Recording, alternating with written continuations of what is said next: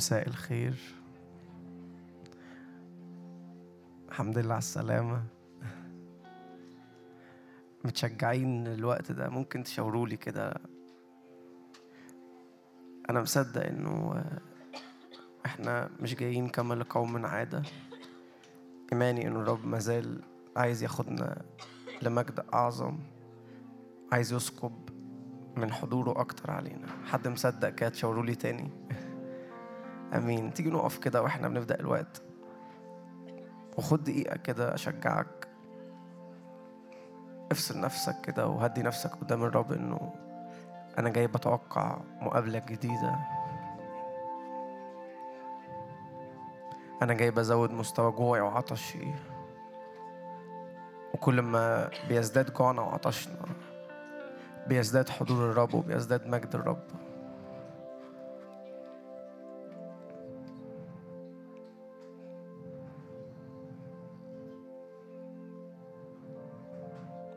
المفتاح الوحيد إنه الرب يتراءى أمامنا إنه بيزداد بمجده.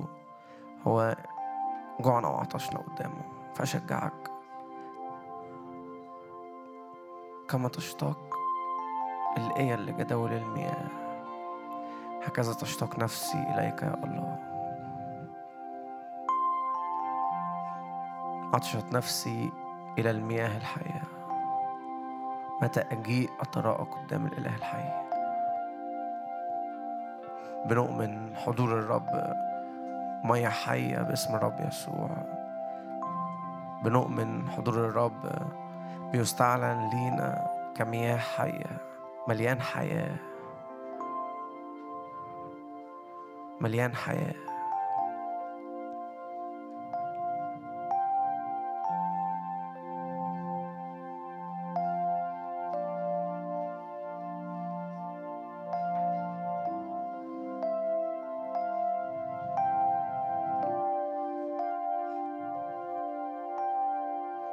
بنعلي مستوى جوعنا مستوى إيماننا مستوى توقعنا أكتر وأكتر باسم الرب يسوع. أبي يعمل حتى الآن وأنا أعمل. مازال الرب يعمل مازال الرب عايز يستعلن أكتر لينا. مازال الرب عايز يغطينا أكتر بمجده وبحضوره. فما زلنا واقفين عطشانين جدا جعانين جدا. وعلى حساب دم يسوع بنتقدم. فتح لنا الطريق. لم نأتي إلى جبل مضطرب ملموس بالنار. إلى ظلام وضباب وزوبعة. أتينا إلى مدينة الله الحي أورشليم السماوية. إلى محفى الملائكة إلى وصية العهد الجديد يسوع. إلى دم رش يتكلم أفضل من دم هابيل.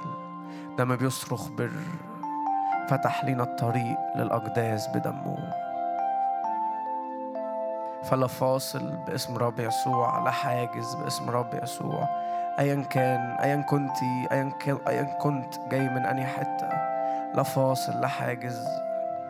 يعقوب وهو في الصحراء وهربان من أخوه. بس مرة واحدة شاف السماء مفتوحة والسلم منصوب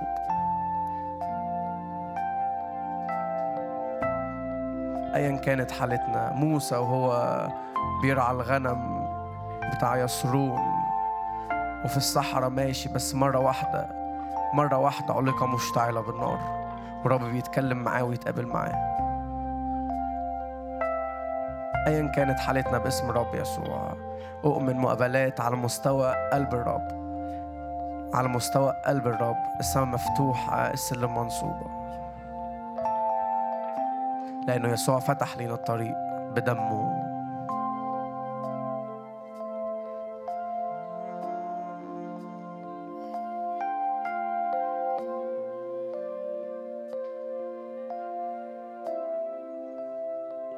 أخبار الأيام التاني خمسة.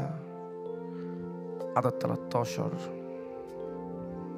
وكان لما صوت المبوقون والمغنون كواحد صوتا واحدا لتسبيح الرب وحمده ورفعوا صوتا بالأبواق والسنوج والآلات الغناء والتسبيح للرب. لأنه صالح لأن إلى الأبد رحمته. أن البيت بيت الرب امتلأ سحابا ولم يستطع الكهنة أن يقفوا للخدمة بسبب السحاب لأن مجد الرب ملأ بيت الرب. أؤمن كده بعبادتنا وبتسبيحنا وإحنا باصين على يسوع وإحنا رافعين عينينا من على أي حاجة لم يروا إلا يسوع وحده. مجد الرب يملى بيت الرب باسم الرب يسوع وإحنا بنعبد الرب لأنه صالح لأن إلى الأبد رحمته. والمبوقون والمغنون كلنا كده كصوت واحد لم يستطع الكهنة أن يقفوا للخدمة بسبب السحاب لأنه ملأ البيت. لو تحب ترفع إيدك كده معايا نتوقع نؤمن بنعطش مجد الرب يملى البيت باسم الرب يسوع.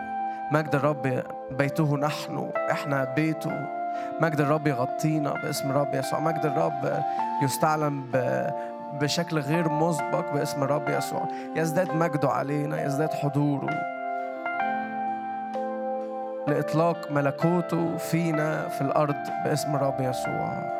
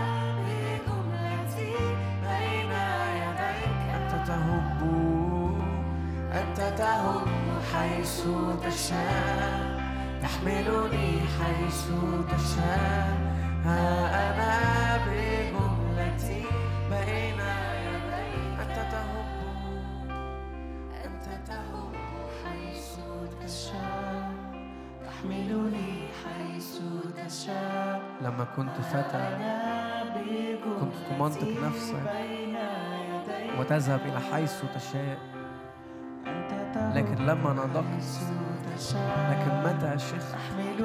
يأتي آخر يحملك إلى حيث هو يشاء. احملنا إلى حيث أنت تشاء.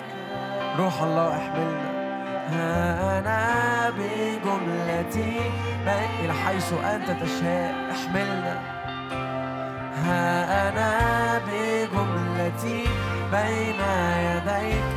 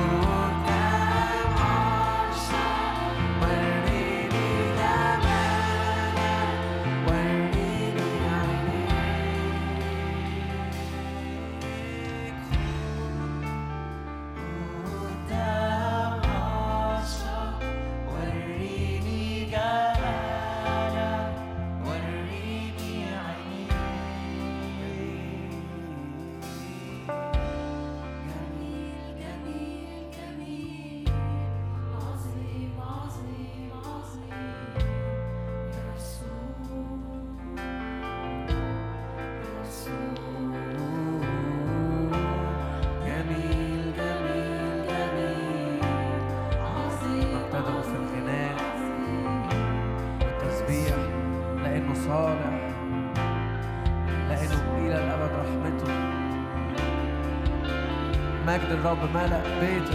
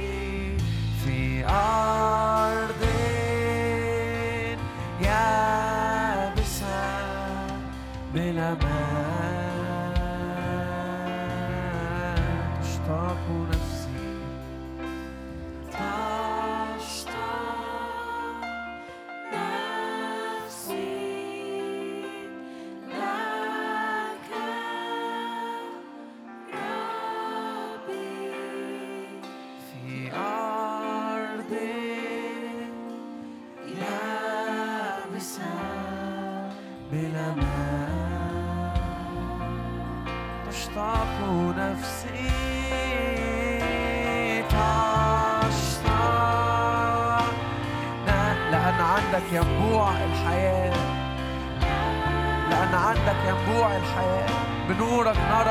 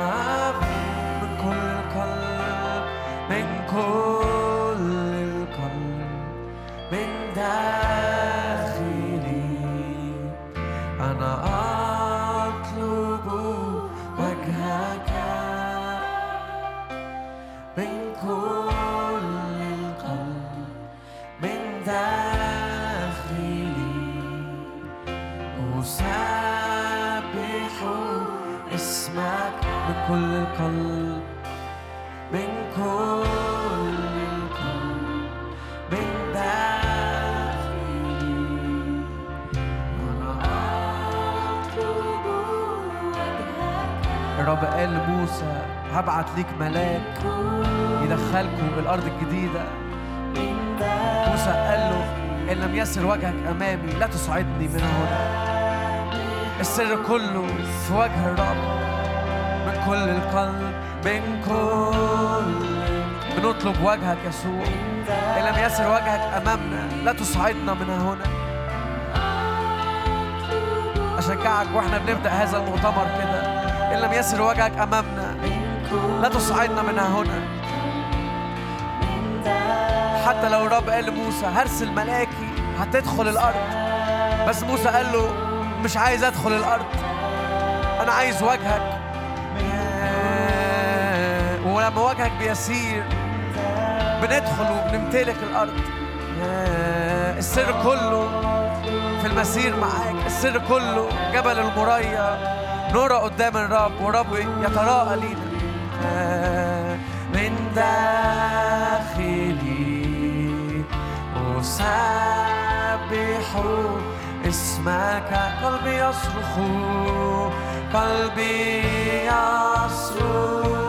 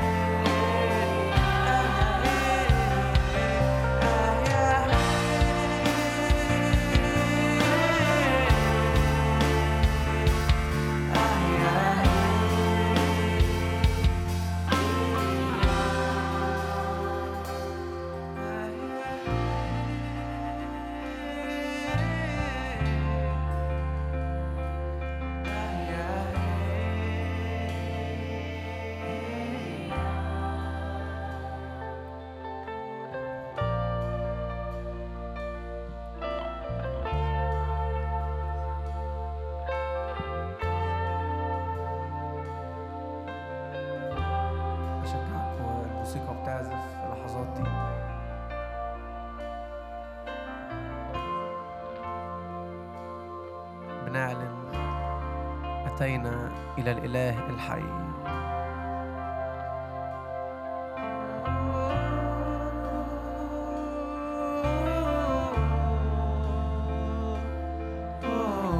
أتينا إلى الإله الحي. الإله الذي يجيب بنار هو الرب.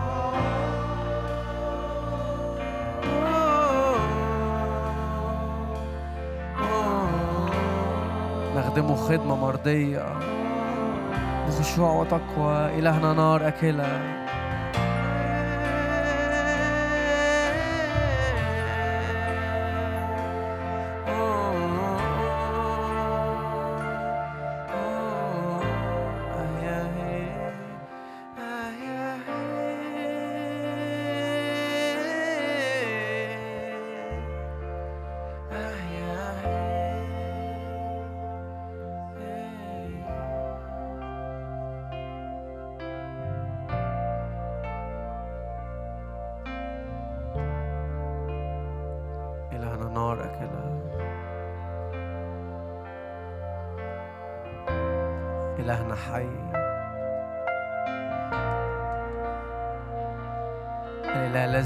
the Horn.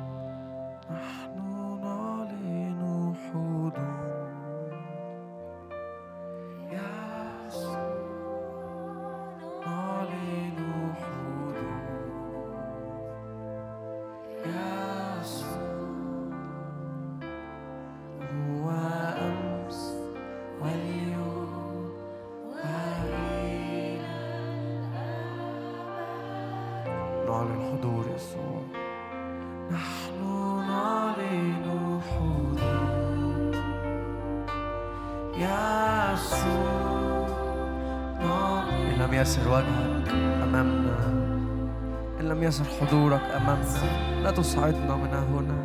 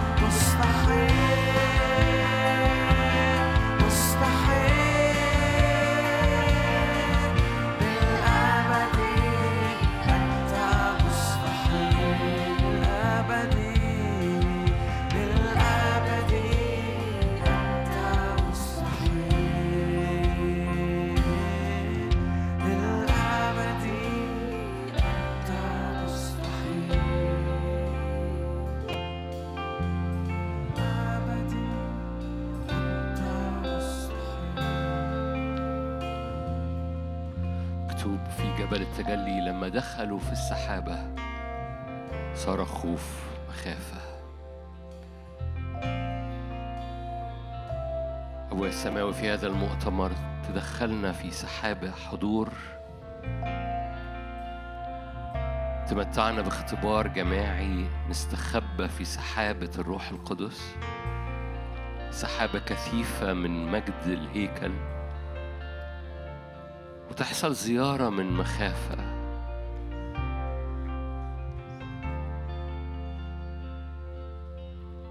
أليس بحضورك معنا نمتاز؟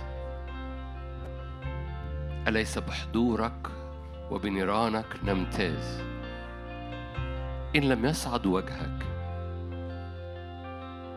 وجهك يسير حضورك يتحرك يرف ويسكن ويستقر. قلت كم من مرة أردت أن أجمعك تحت جناحي ليكون ده اختبار جماعي يا رب لنا أن في جناح من حضورك بيستقر علينا.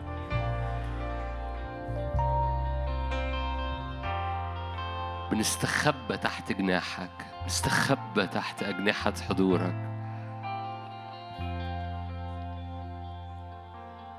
أليس بحضورك يا سيد؟ قلوبنا وعنينا وأشواقنا ومشاعرنا وخيالنا وأفكارنا وأذهاننا. عطشانة لهذا السكن الإلهي. نخش فيها كلنا. نكسر السقف بتاع الاختبارات القديمة. نكسر سقف الاختبارات القديمة. نكسر سقف قديم لمستوى الحضور مستوى ال... الاختبار مستوى ال... الحدث اللي بيحصل على الأرض. نكسر المحدودية هللويا وندخل إلى مستوى آخر. من اختبار الحضور المجيد على شعب على أمة على على على على أمة على جسد على حضور على عروس على مدينة. بنستخبى في حضورك. املى هذه الليلة املى هذه اليومين ونص املى املى هذا المؤتمر يا رب يا رب. هللويا. املى هذه الأيام املى هياكلنا من مجد حضورك. اضرم نار لأي ناس النار اتطفت أو هديت فيهم. اضرم يا رب المشهد في أي عينين اتشتتت في الرؤية اضرم يا رب كحل عينين بكحل جديد. خلال اليومين ونص دول يا رب لمع الهبات ولمع الحس الروحي ولمع النار الروحية يا رب. لمع لمع لمع من جديد الودان اللي بتسمع والأرواح اللي بتميز والعينين اللي بتشوف. لمع يا رب تمييز العروس ولمع حكمة العروس ولمع بهاء المدينة ولمع مجد الحضور ولمع صلابة الرجلين. لمع لمع لمع لمع يا رب عروسك صلابة جديدة في الأقدام نعم باسم لمع يا روح الله لمع بهاء مجدك فينا. صار يلمع كما لم يلمع قصار. المع فينا المع قدامنا والمع علينا. أليس بحضورك البهي أليس ببهاء مجدك نمتاز؟ بنخترق أبويا السماوي بنكسر السقف بنكسر السقف بنكسر السقف هذه الأيام. بنكسر السقف الاختبار سقف الحضور سقف التاريخ القديم باسم الرب يسوع. لكي ندخل إلى أراضي جديدة وراءك باسم الرب يسوع.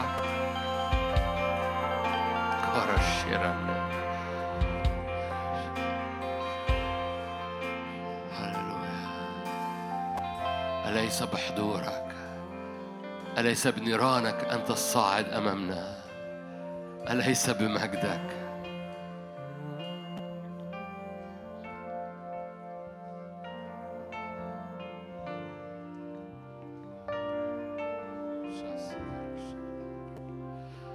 انسى نفسك واستخبى استخبى. هذه الليلة بنكسر حاجة في السماويات لكي ندخل. فخلي روحك تتحرك خلي روحك تخش. استخبى في الحضور استخبى في سحاب الرب عايز يعمد بيها هذا المؤتمر ويدخلنا فيها من أول يوم من أول يوم من أول ليلة.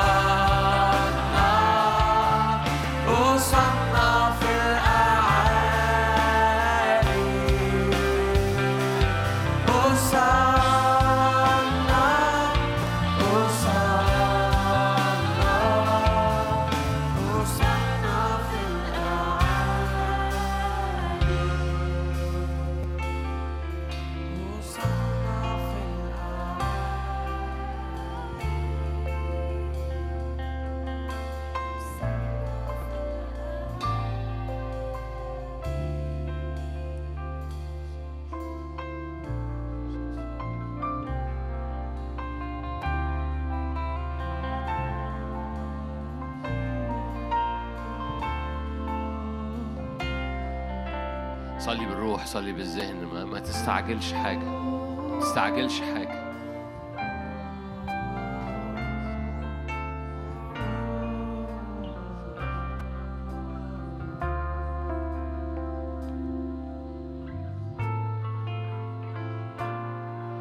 بنكسر السقف الاختبارات غير مسبوقة بنكسر السقف. نستخبى في سحابة من نار.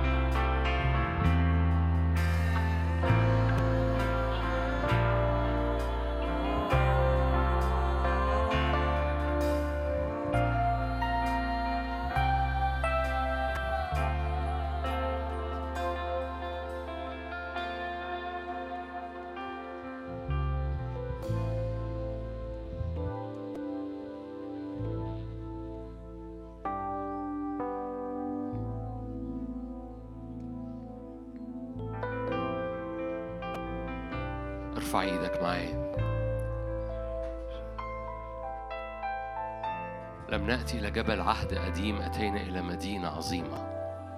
أتينا إلى مدينة إلهنا إلى مدينة سماوية.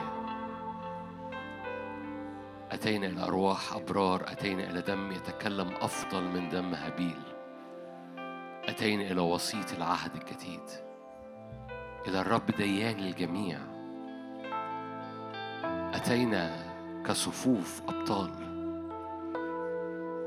أتينا إلى مكان ناري.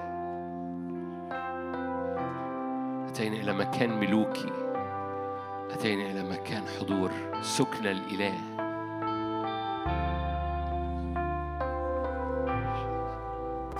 إن لم يصعد وجهك أمامنا لا نتعامل إلا من فوق. لا نتحرك إلا من فوق. من جبل الرب. جبل عظيم الارتفاع. جبل عظيم الارتفاع. أعلى من كل مؤامرات العدو جبل عظيم الارتفاع.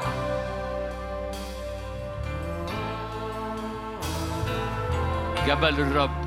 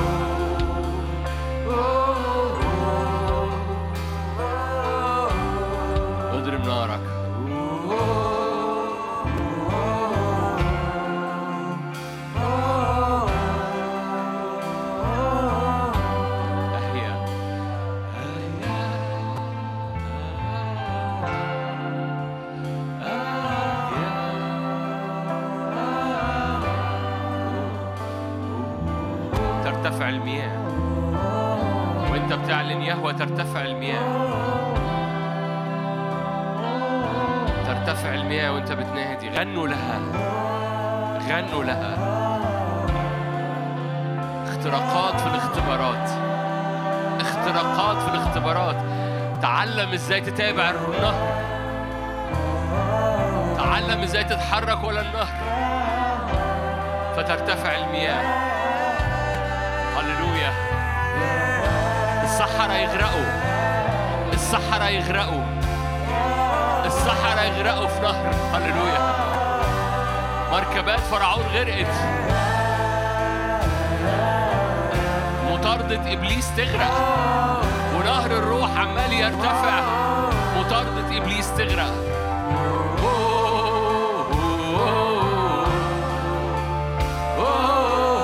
بننادي على المية. بننادي على الآبار.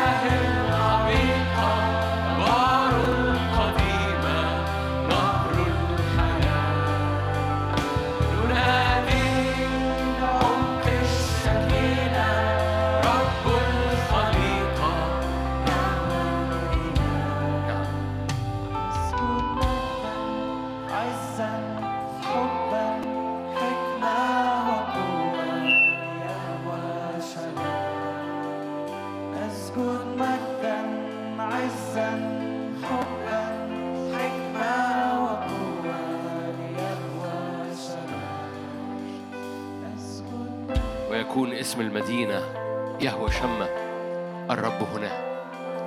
يكون اسم المدينة يهوى شمة سور نار مجد في الوسط.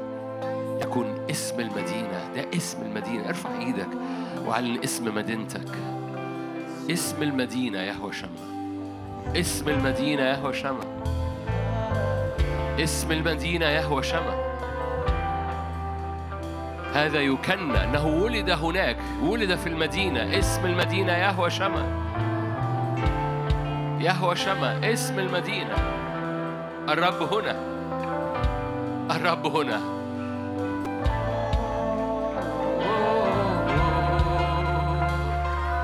أجواء المدينة دي شفاء أجواء المدينة دي بر أجواء المدينة دي نار. أجواء المدينة دي دي أجواء المدينة.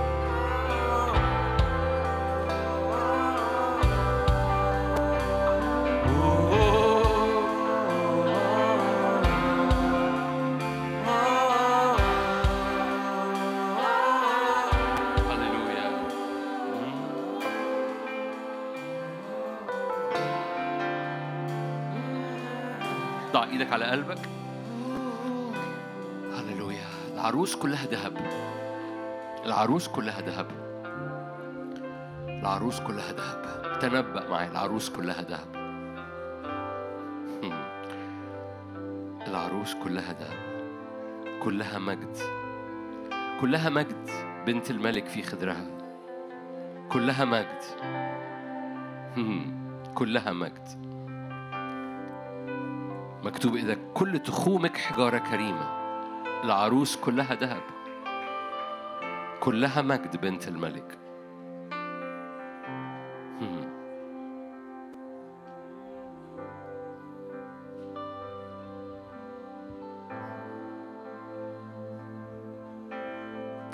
أبويا السماوي بطلب انك تكحل عينين الناس الموجودة النهاردة والناس اللي بتشاهدنا والناس اللي هتحضر الأيام اللي جاية. إن كان في الحضور أو بالاستماع أو بالمشاهدة. بطلب يا رب إنك تكحل عينين فوق السقف اللي هم اختبروه قبل كده فوق المحدودية. دخل العينين إلى مداخل الحجال. دخل القلوب إلى مداخل الحجال. دخل الإدراك الروحي فوق السقف. اكسر السقف لاختبارات الشعب القديمة. دخلنا إلى حيث لم ندخل.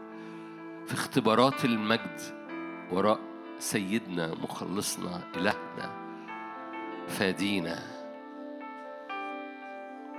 ليك كل المجد يا رب. آمين.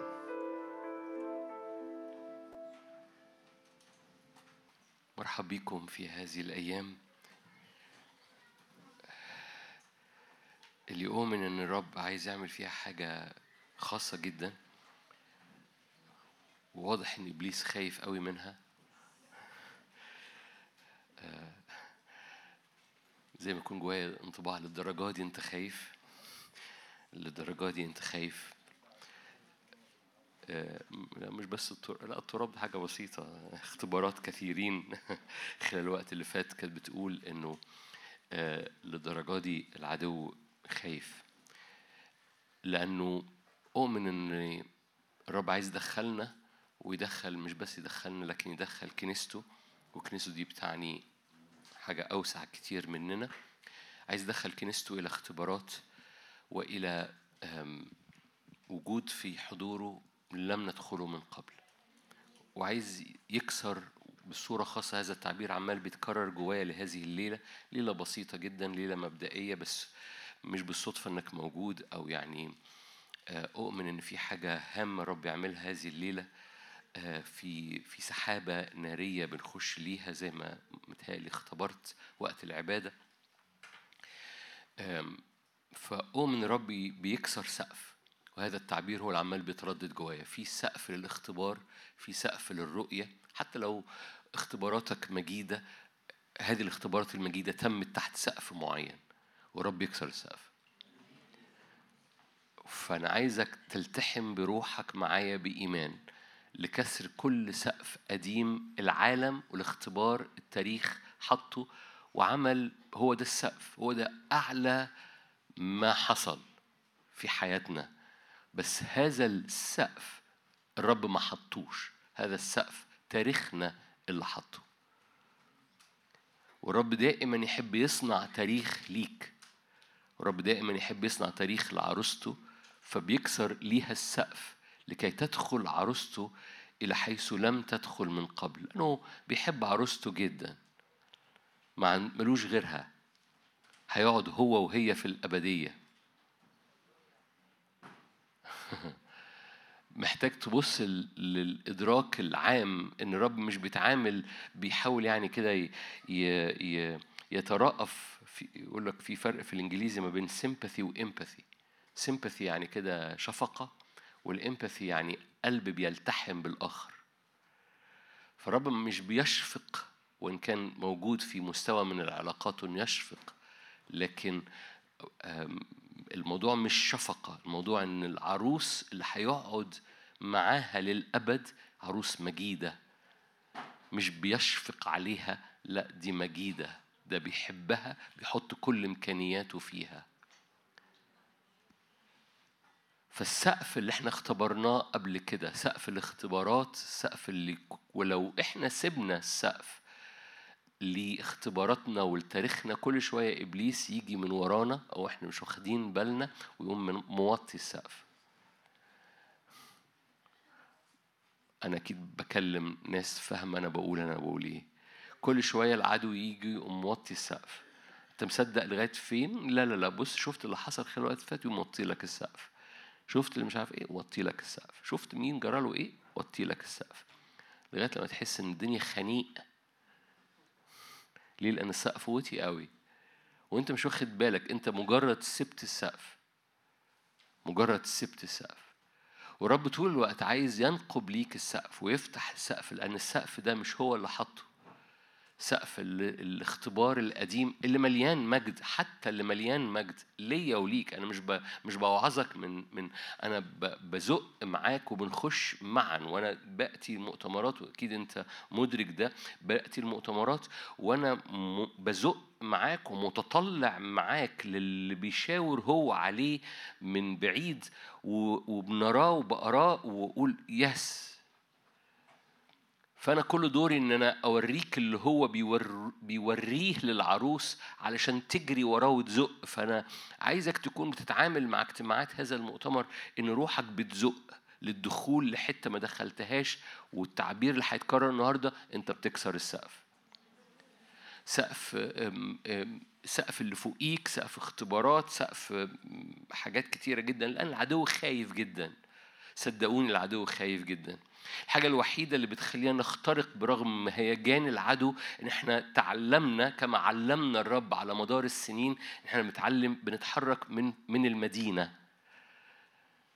حركتك من المدينة بتحركك من حتة أعلى من هيجان العدو. لو أنت لسه ما تعلمتهاش ما أعرفش بقى ارجع 15 سنة في هذه الخدمة وتابعها.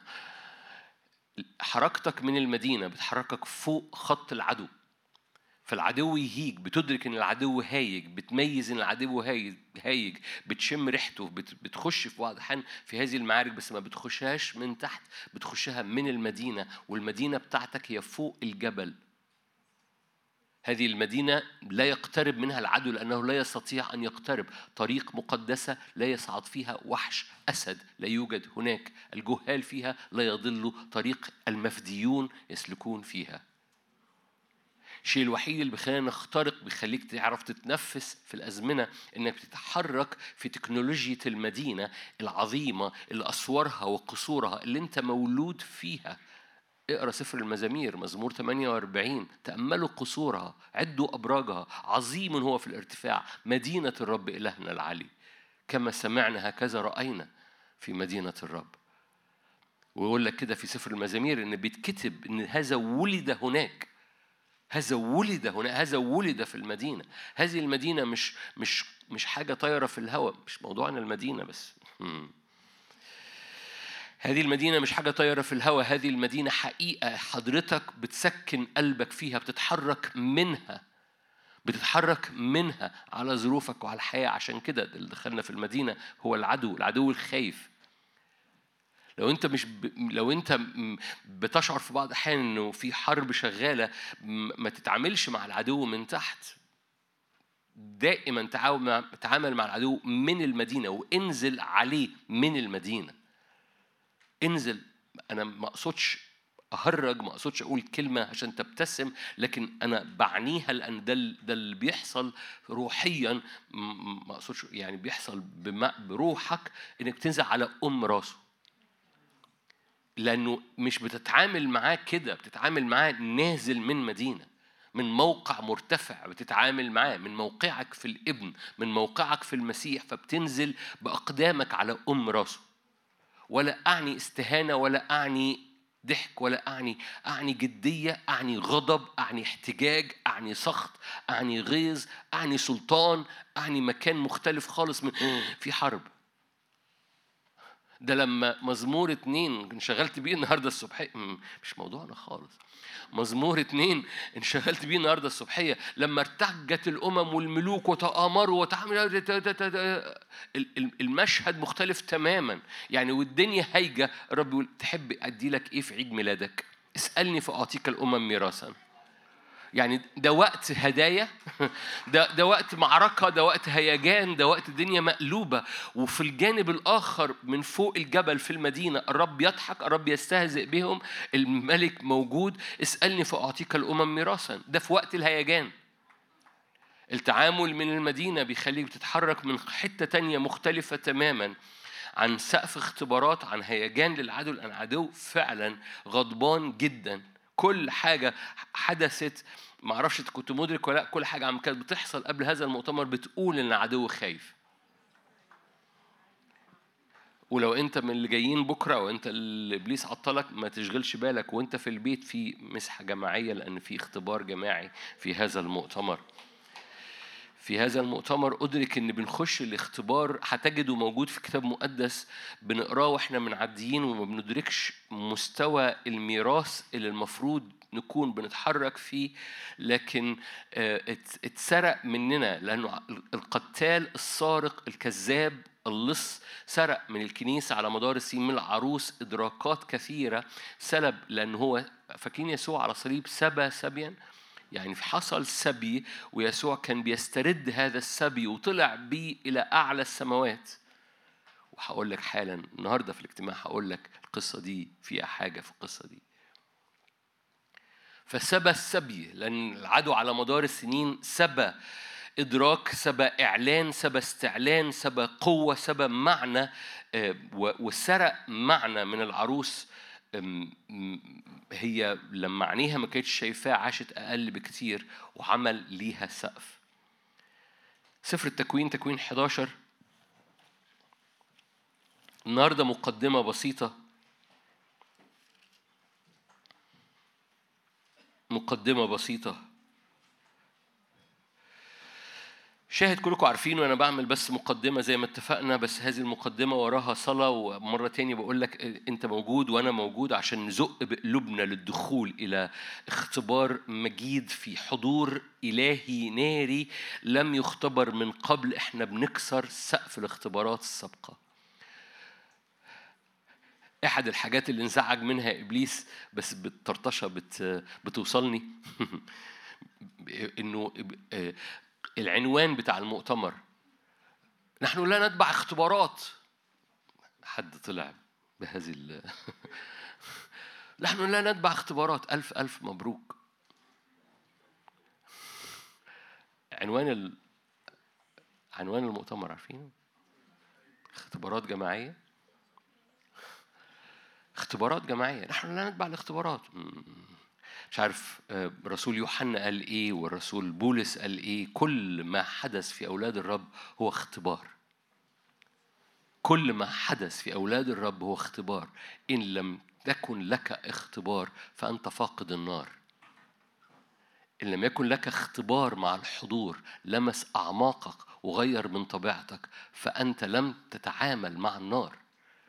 لأن الاختبار دائما اختبار ناري المسيحية مش مسيحية ذهنية فلسفية محاضراتية. المسيحية هي مسيحية اختبارية نارية معجزية. فإبليس يهيج جدا من كلمة اختبار. فهنقعد نعمل كل المؤتمر اختبار. لأن إبليس إبليس ما بيحبش إنك تختبر النار إبليس ما يحبش إنك تختبر المحبة إبليس ما يحبش إنك تختبر المعجزة إبليس ما يحبش إنك تختبر أي حاجة. علشان لما المسيحية تبقى فكرة يرمي عليك فكرة تانية ففكرة ضد فكرة تتلخبط. لكن الذي اختبر الذي لمسته أيدينا الذي اختبر أنا عارف حاجة واحدة فاكرين دي قصة بسيطة من أيام مدارس الأحد. كنت أعمى ولا اخبطوا راسكم في الحيط. قولوا مش عارف إيه. قولوا مش عارف إيه. أنا عارف حاجة واحدة. أنا عندي اختبار. حد فاهم حاجة؟ لو المسيحية فقط ذهنية فقط فكرية فقط هي أفكار مجرد والعدو يقوم يقول لك هي كده هي مجرد أنت بس لو لو الأفكار اترتبت جوه دماغك حتى الأفكار المرتبة. ي- العدو يقوم رامي أفكار تانية وال- والفيسبوك يقوم رامي أفكار تالتة وتتحول المسيحية من مسيحية اختبارية إلى مسيحية فكرية. والمسيحية الاختبارية المسيحية الفكرية بتفقد مش مش يا ريتها فترة هي أوحش من فترة. تكوين 11 تكوين 11 العدو خايف. لأن لو دخلت قلبك لو دخلت قلبك زي ما مرة تاني لو لو أدركت إن المشاركات مش هدفها المشاركة المشاركة هدفها إنك في الآخر تدخل قلبك إلى اختبار لم تدخل ليه من قبل والاختبار اللي هنزق ليه هنحكي عنه اختبار جماعي. ومعجزة الاختبار الجماعي هتنور اجتماع ورا اجتماع ورا اجتماع في هذا المؤتمر. آية ستة من تكوين 11 قال الرب وذا شعب واحد لسان واحد لجميعهم وهذا ابتداءهم للعمل. الآن لا يمتنع عليهم كل ما ينوون أن يعملوا. أنا عارف كلكم عارفين أنا بحب هذه الآية برغم إنها آية من شاهد آه، كأنه يعني هذا الشعب كان بيبني برج بابل لكن هذا المبدأ اللي رب يقوله مبدأ حقيقي وهنقلب هذا المبدأ. لما إبليس بيرى اختبار جماعي لشعب واحد بيتكلم إيمان واحد بيعبد عبادة واحدة ناظر إلى رئيس الإيمان ومكمله يسوع وبيشمر عن كمامه إبليس بيبقى خايف جدا. لما إبليس بيرى واحد بيتشجع واللي حواليه مطفيين بيمصمص شفايفه لما بيرى اتنين متشجعين واللي حواليه مطفيين أوكي. ولما اتنين يبقوا متشجعين واللي حواليه مطفيين فالمتنورين يقوموا مطفيين عشان حواليهم مطفيين بقى يطلع واحد تاني ينور. فطول الوقت اللوحة فيها أسود وفيها حبة أنوار والأنوار اللي تنور تطفي لما تتفشل والأنوار اللي متطفية تنور فجأة تشجع. بس لما تتنور شوية بقى تلاقي اللي حواليها مطفيين يقوموا يطفوا تاني. لكن لو لوحة الأنوار دي كلها نورت لا يمتنع عنهم شيء. إبليس يخاف جدا من الاختبار الجماعي. إبليس يخاف جدا من شعب يختبر اختبار جماعي. إبليس لو رأى واحد اتنين تلاتة خارجين من المؤتمر دول منورين متشجعين يقول أوكي هنشوف نصطادهم في حفرة في أي حتة. لكن إبليس لو رأى الشعب الكل بيحصل عليه زيارة والكل بيحصل عليه اختبار جماعي بيقول يا تلفي. مش محتاج أقول لكم آية الواحد بألف. والاتنين أخبارهم إيه؟ أوكي. فلو شعب الاختبار الجماعي وهحكي لك ديناميكية القصة دي لأن هذه الديناميكية موجودة في كتاب مقدس طول الوقت بس بنعديها لأنها بن بن بن تعودنا على آيات كتاب مقدس وقصة كتاب مقدس بس القصة فقدنا إن إحنا نزق من أجل ده وانحصرنا في إن أنا عايز أنا عايز أتمسح أنا عايز أتحرر أنا عايز أتخلص أنا عايز يحصل أنا عايز يحصل وفقدنا برغم أهمية الاختبار الشخصي قوة الاختبار الجماعي وإن إحنا نزق بتركيز من أجل أهمية هذا الأمر. قضاء 21 قضاء 21 أنا سفر القضاء في الأغلب ده آخر إصحاح قضاء 21 وآخر آية في الآخر إصحاح في سفر القضاء في تلك الأيام لم يكن ملك في إسرائيل. كل واحد عمل ما يحسن في عينيه. بالمناسبة سفر القضاء هو أوحش حالة من حالات الشعب بس سفر القضاء كان فيه القضاء. والقضاة دول كانوا ممسوحين بالروح القدس كانوا بيصنعوا خلاص والبعض منهم صنع خلاص عظيم. حد فاكرين أختنا دبورة؟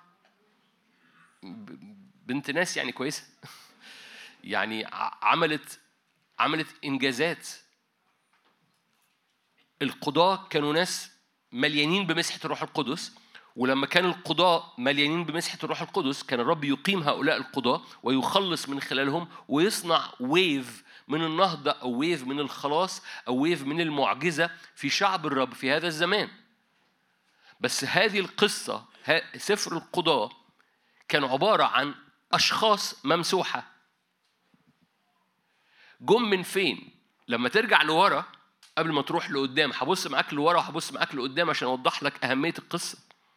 لما ترجع لورا قبل سفر القضاء في سفر إيه؟ برافو. سفر يشوع. سفر يشوع هو سفر اختبارات جماعية. سفر شعب بيمتلك. سفر شعب عبر الأردن باختبار مختلف تماما عن اختبار عبور البحر الأحمر. لأن عبروا كأسباط كشعب بتمييز بإدراك. لما تعبروا البحر الأحمر عبروا مهرجلين. هم هنا عبروا كاختبار جماعي. ال ال ال الكهنة واقفين في وسط نهر الأردن والحجارة المنقولة 12 حجر 12 سبط متاخدين ويتحطوا في أعماق الأردن و12 سبط يخرجوا من أعماق الأردن ويتنصبوا عمود. اختبار جماعي مجيد في الأردن. وامتلكوا. بس بعد شوية بعد ما حصل هذا الاختبار الجماعي المجيد في عبور الأردن كل واحد حب تقرأ كده إنه بيقول لك قام جيل بعد كده كل واحد مهتم ب... ب... مش بنفسه بمعنى خطية مهتم ب... بنفسه. فطلع قاضي طلع قاضي طلع قاضي طلع قاضي بس هذا المستوى من الممسوحين اللي كانوا بيصنعوا خلاص بيؤدي إلى حالة ليها سقف. هو سقف سفر القضاء. خليني أقول تعبير هستعمله أكتر بكرة التعبير الموجود في عنوان هذا المؤتمر التعبير اللي بي- بيقف في زور البعض لغاية دلوقتي بس هنقعد نضرب فيه هذه السنة لغاية لما يعدي من زورك.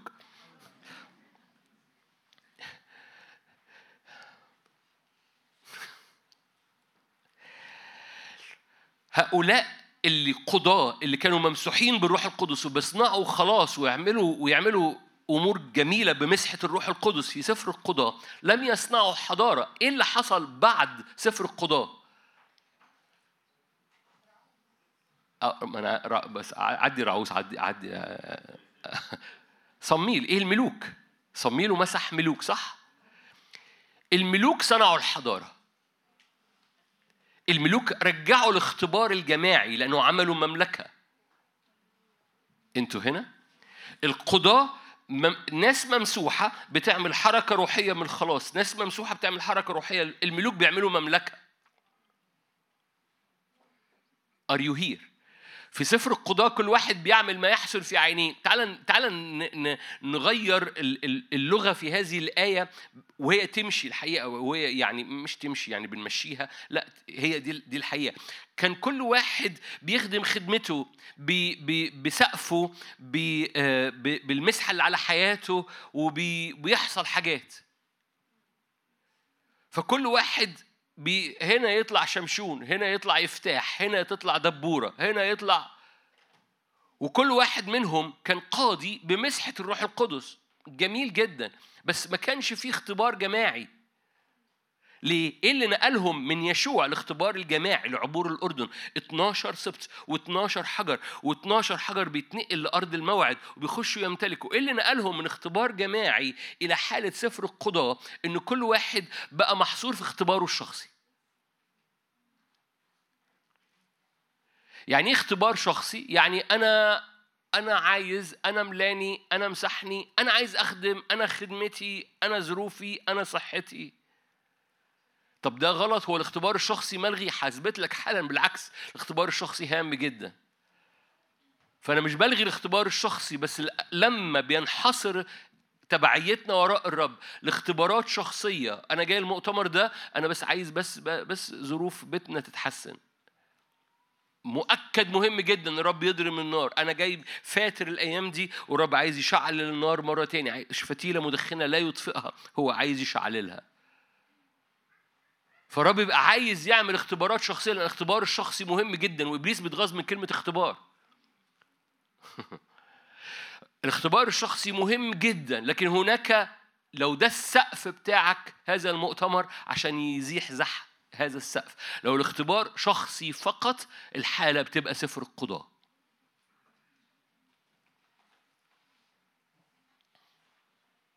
السلام ممكن نقعد ونفتح أسئلة وأجوبة مش هعمل كده بس أنا بقول يعني. حد يقوم رافع إيده. ممكن بأمانة لأن أنا أنا حريص إنك تدرك لأن إحنا عايشين في هذا المستوى. اختبارات شخصية بتقوم عاملة منورة النور وبعد كده شوية الاختبار الشخصيه تقل في حياتي فأقوم النور يطفي. وبعد كده اختبار شخصي تاني فأقوم آه وبعد كده أقعد أدور على اختبار شخصي تالت اختبار اختبار شخصي رابع. أنت فين يا رب؟ أنا بدور على اختبارات. فين لما لمستني في الحتة دي؟ وفين لما لمستني في الحتة دي؟ بعد كده يجي مؤتمر ولا يجي اجتماع ولا يجي ترنيمة تقوم هي أنا في اختبار شخصي تاني أهو. هللويا. وأنا متشجع الأيام دي أنا متشجع الأيام دي. وبنعيش هذا المستوى من هذه الحياة اللي يطلع جدعون وبعد كده يطلع شمشون وبعد كده تطلع دبوره فينا. أنتوا هنا؟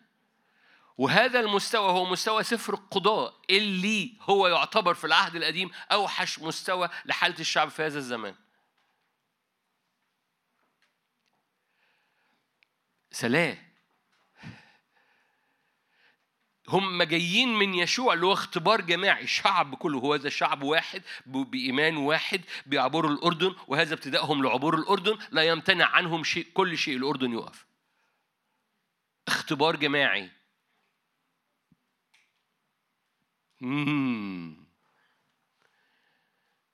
فاهمين يعني إيه اختبار. بكره. أنا مش عايز أسبق نفسي وخلص المؤتمر دلوقتي أنا مدرك. ربنا عايزنا نعطش ون... ون... ونتشفع بصورة نبوية ونشتاق ليه ونتغاظ من لأجله ونحرك أرواحنا وراه لأن اللي عايز يعمله هو كاسر. كاسر الصورة اللي إحنا ركدنا وانحنينا وحطينا كتافنا تحت هذا السقف بتاعها عشان كده هذه الليلة التعبير عمال يتكرر هو نكسر السقف سقف سفر القضاء هو أشخاص ممسوحة أو أنت يحصل فوقانة وتحصل مسحة وبعد كده تطفي تاني وبعد كده تحصل فوقانة ومسحة وتطفي تاني وتبقى عايش في هذا المستوى لأن القصة كلها شخصية. كل واحد بيتمسح مسحته كل واحد بيطلب احتياجاته كل واحد عايز رداءه كل واحد خدمته كل واحد ومش بتكلم على كل واحد يعني خدمته يعني حاجة وحشة. أنا بتكلم على دبورة بتكلم على شمشون بتكلم على جدعون. بس في اختبار مختلف لما يبقى الملك ملك أجواء المملكة. كان في اختبار جماعي لما سليمان خلص صلاة. اختبار جماعي. إيه الاختبار الجماعي؟ السحاب ملأ الهيكل. كل الموجودين انحنوا. ده إيه؟ ده اختبار جماعي. أن الملوك بيفتحوا مستوى اختبار جماعي غير العبيد اللي هو أنا عايز مسحة. تقول العبيد اللي عايز مسحة أنا ما- عديها لي معلش. لأن مستوى القضاة كان فيه ممسوحين كانوا بيصنعوا نهضات. بس مستوى سليمان في هيكل سليمان هو سحاب بيؤدي إلى اختبار جماعي للكل. إيه اللي نقلهم من اختبار جماعي عظيم في يشوع؟ كلنا إيمان واحد كلنا سنعبر أردن كلنا بنتقدس لأن غدا الرب يصنع بنا عجائب كلنا بننقل الحجر من قاع الأردن لكي ندخل إلى أرض كنعان كلنا بنعبر هذا شعب واحد له إيمان واحد وهذا ابتداء عبورهم لن يمتنع عنهم شيء. اختبار جماعي. أنا بعمل إيه دلوقتي؟ أنا بفتح شهيتك لحاجة اسمها اختبار جماعي. عارف يعني إيه اختبار جماعي؟ يعني اللي حواليك اللي أنت مش لازم تبص جنبك يمينك وشمالك عشان تبص عليهم.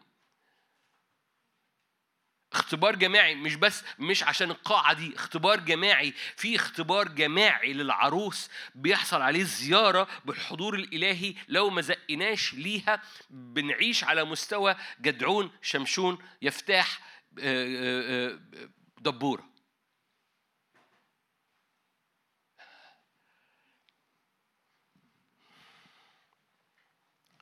okay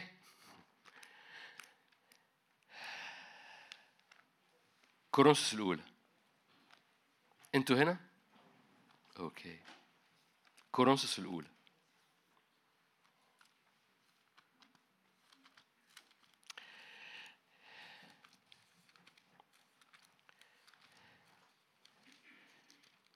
تقول لي إزاي؟ أو أنا مش مش مش هقول إنك تقول لي. لأن هقول لك شاهد يؤيد قصة يشوع. يعني الشعب اللي الشعب اللي اختبر هذا الاختبار الجماعي اللي من خلاله امتلك أنتوا عارفين أرض كنعان أرض ملوك؟ كان فيها فيها ملوك كنعان. أوكي. أرض ملوك. عشان كده العبيد اللي كانوا بيلفوا في البرية ما كانش ينفع يخشوا أرض الملوك. كان لازم هؤلاء العبيد يموتوا عشان يطلع شعب آخر ي- يتنقل لاختبار جماعي ملوكي عشان يخش ويمتلك.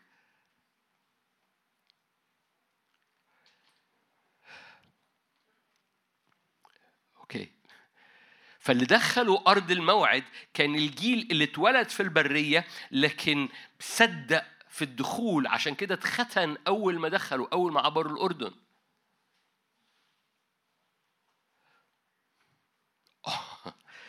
أوكي مش موضوعنا بس واضح إن هن- هن- هنقضي الليلة مع بعض. بضحك. قال لهم إيه يشوع في الجلجال؟ اليوم قد دحرج عنكم الرب عار؟ حافظين الآية مش كده؟ وبنرددها كتير في هذه الخدمة. هم ولا حد من الموجودين قدام يشوع كان مولود في مصر. ما عدا كالب ويشوع. ولا حد من الموجودين كان موجود مولود في مصر لأن كل اللي اتولدوا في مصر وخرجوا من أرض مصر ماتوا في البرية جيناتهم كان جينات برية جينات عبودية فما كانش ينفع يخشوا لكن طب ليه قال لهم دحرج الرب عنكم عار مصر؟ لأن مصر مش مش مش شرط إنها تكون أنت مولود فيها، مصر طريقة تفكير، مصر عقلية. مصر طريقة إدراك أو توقع ميراث، فالرب قال لهم كده دحرج الرب عنكم عار مصر، عشان كده عبروا الأردن اليوم قد دحرج لأنكم عبرتوا الأردن مش كعبيد خارجين من عقلية عقلية عبودية لكن كملوك داخلين شعب واحد بإيمان واحد. بتختبروا اختبار إن هذا ابتدائكم للعمل الأردن بيقف. عبور الأردن غير عبور البحر الأحمر تماما. كانش موضوعنا النهاردة بس ده اللي حاصل. عبور لما عبروا البحر الأحمر كلهم متهرجلين كلهم خارجين عبروا البحر الأحمر هربانين من فرعون. لما عبروا الأردن ما كانش في حد بيطاردهم وراهم. كان كانوا ناضجين. إحنا بنعبر لأن ده اختيارنا. بنعبر لكي نمتلك. قدامنا ملوك وعمالقة وسنعبر. هنخش نواجههم. آخر مرة حضرتك اخترت إنك تخش تحارب مش تتحارب. مش رد لحرب عليك أنت بتحارب لا أنت بتحارب بال... بالمبادرة منك.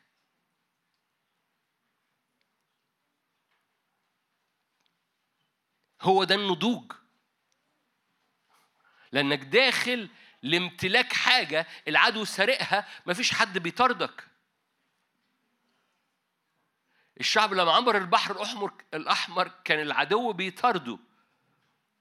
فالرب شق البحر قدامه. لكن عبور الأردن ما كانش في حاجة بتطارده كان ممكن يلف لفة كمان.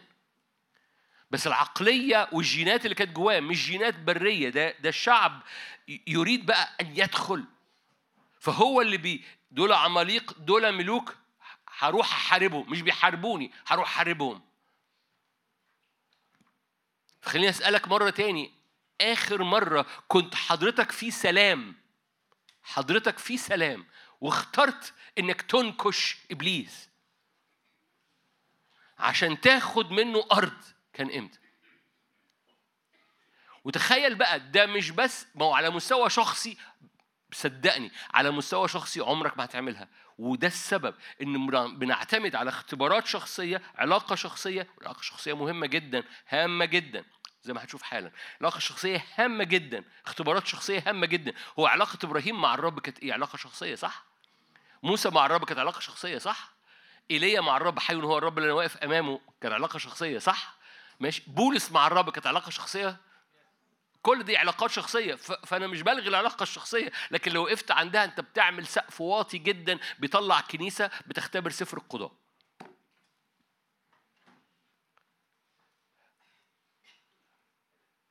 على مستوى شخصي بعلاقة شخصية عمرك عمرك عمرك ما هتخش وتقول أنا بنكش العدو عشان آخد أرضه. أنت بتتحارب فبتحارب. أنت بتعبر علشان في عدو وراك.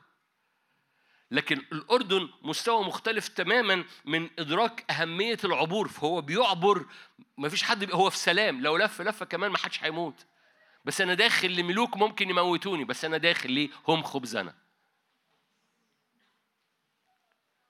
خليني أسأل سؤال مرة تاني. آخر مرة حضرتك كنت في سلام تام كل حاجة في أمورك كل حاجة في خدمتك كل حاجة في صحتك زي الفل. وقلت في أرض هنا أهو في أرض هنا أهو موجودة في كتاب مقدس الرب أعطاها ليا وأنا مش مختبرها.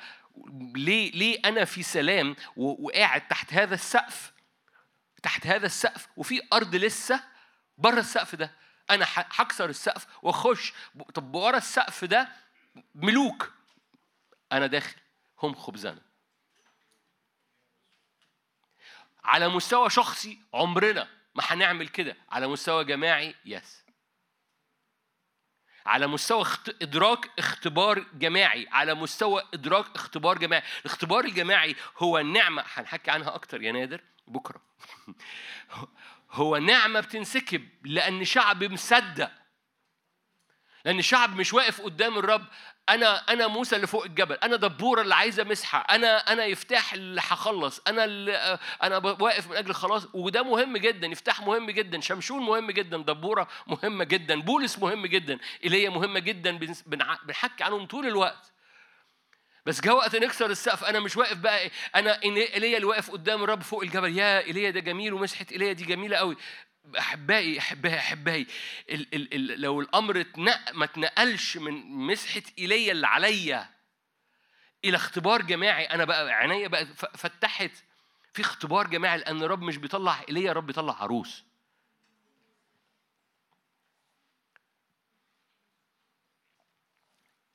كل شوية في هذا المؤتمر هشيل طبقة ورا طبقة ورا طبقة لغاية ما يت- يترفع إيماننا لغاية لما يبقى ده الطبيعي أنا أنا مجرد بشيل طبقات فلو أنت حاسس إن أنا أنا شايف بس مش شايف قوي كمل معايا بس لو مدعمسة كمل. مدعمسة دي كورنثوس اولى عشرة إخواتنا من بلاد أخرى معلش سامحوني. بكرة هنرحب بكل إخواتنا في أربع بلاد لغاية دلوقتي ونشوف بعد كده هيبقى حصل إيه بكرة. لست اريد أيها الإخوة أن تجهلوا. هتستغرب إن أنا بجيب الآية دي بس بجيبها أول ليلة.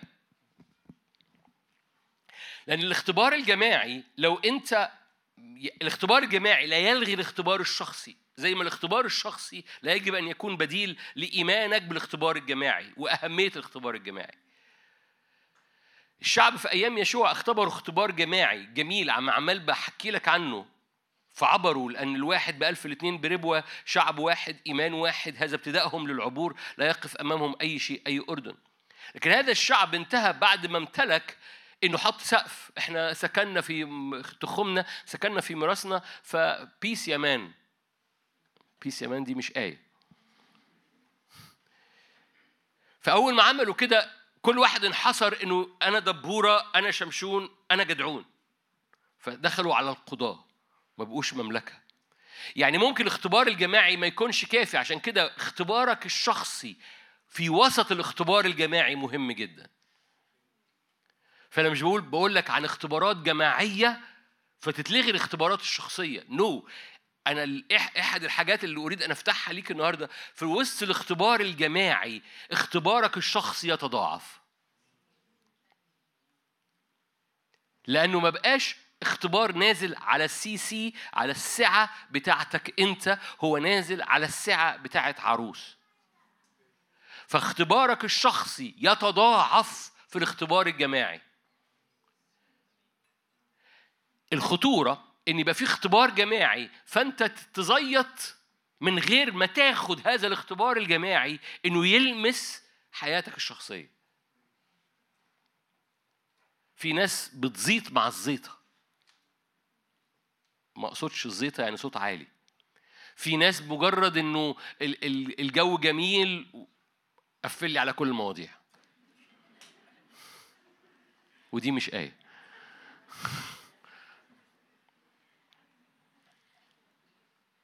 مش عارف إخواتنا اللي مش من مصر بيعملوا فيا إيه بعد كده. فمجرد الاستمتاع بالجو القصة مش كده. هذه الآيات تثبت كده. لست أريد أن. أيها الإخوة أن تجهلوا أن أبائنا جميعهم كانوا تحت السحابة جميعهم اجتازوا في البحر جميعهم اعتمدوا لموسى في السحابة وفي البحر جميعهم أكلوا طعاما واحدا روحيا جميعهم شربوا شرابا واحدا روحيا كانوا يشربون من صخرة روحية تابعتهم والصخرة كانت المسيح. يعني اختبارات روحية جماعية. شوف الآية دي عكس. كأنها عكس المؤتمر بس بوضح لك الصورة. هي مش عكس. كلهم كانوا يشربون من صخرة روحية تابعتهم والصخرة كانت المسيح لكن بأكثرهم لم يسر الله لأنهم طرحوا في القفر. هذه الأمور حدثت مثالا لنا. يعني ادرك بقى الاختبار الجماعي ما يخليكش تزيط في وسط الزيت الاختبار الجماعي اختبار مجيد عشان انت تتقدس قداسة مضاعفة. الاختبار الج... اختبار الشخصي لو فقط وقف عند اختبار شخصي انت فاقد فاقد قوة إبليس خايف منها إن يكون اختبار جماعي بيصنع حضارة.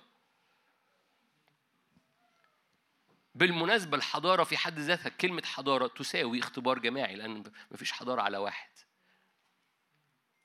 عشان كده هي واقفه في زور كثيرين لأن إحنا ما زلنا محصورين في قصة المسحة وإيليا وأنا ما أقصدش إيليا بصورة خاصة يعني ال- المسحة الشخصية اللي بتطلع جدعون بتطلع شمشون بتطلع يفتاح بتطلع دبورة لكن ما بتطلعش مملكة.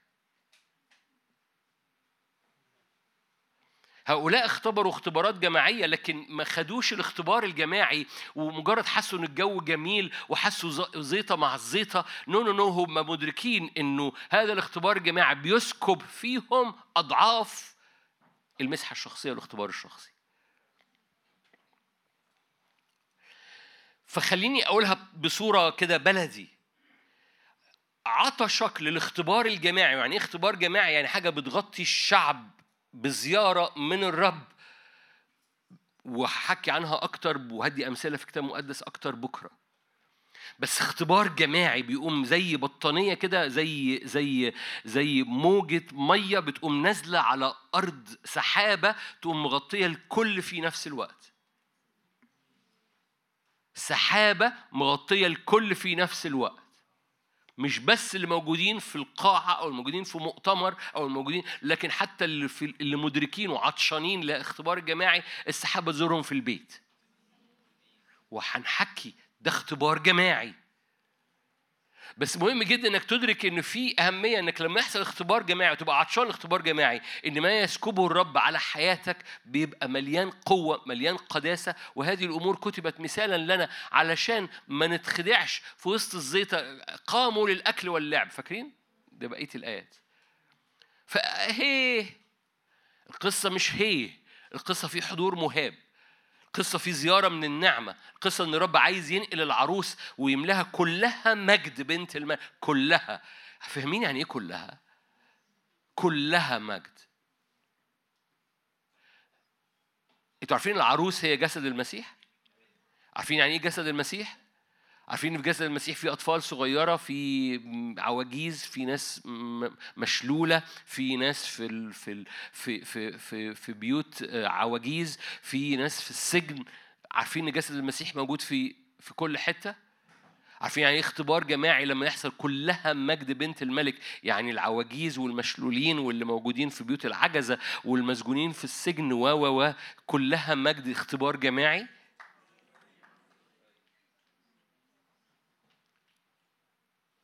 هو ده هو هو ده اللي بنكشك عليه. أنا بمجرد بنكشك علشان تعطش عشان تعيط بتشفع وتطلب حاجة زي كده. لأن إحنا عندنا سقف باصين ليه ومتصورين أنا عايز بس أنا ياه لو أنا دبورة بس دبورة ده سفر القضاء. دبورة مسحة الروح القدس. دبورة خلاص من الرب. دبورة مسحة غير عادية. بدافع عن الاختبار الشخصي. الاختبار الشخصي مهم جدا. بس مش هو آخر ما تم. والانحسارنا في الاختبار الشخصي بقى مستوانا مستوى سفر القضاء. ما بقاش مستوانا مستوى إن في في سحابة بتستقر على العروس وعلى كل جوانبها وأضعف حد فيها. في نفس الوقت. وبتخش حيث لم لا نستطيع أن ندخل بتلمس حيث لا نستطيع أن نلمس وبتع... بت... هي نعمة لأن في شعب بيقف قدام الرب بيقول له في حاجة اسمها إن شعبك عروستك جسدك كنيستك بتختبر اختبار جماعي.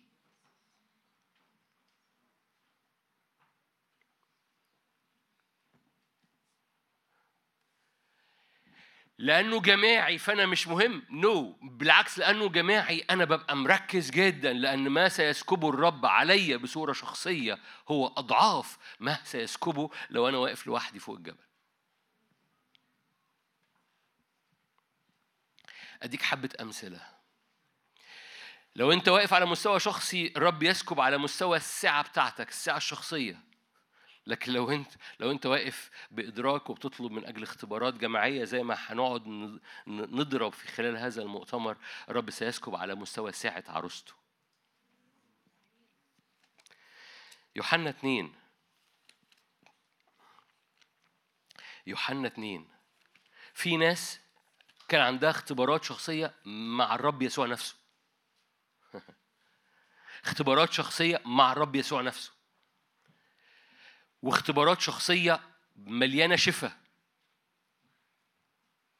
مش محتاج أقول لك أنت ممكن تقول لي أنت لسه بس أنا هبص على شاهد بس صغير يمكن مش مشهور شوية. بس في ناس كتيرة شفاهم يسوع و... وما كملوش يمشوا معاه؟ هو شفاهم يسوع ده مش اختبار شخصي؟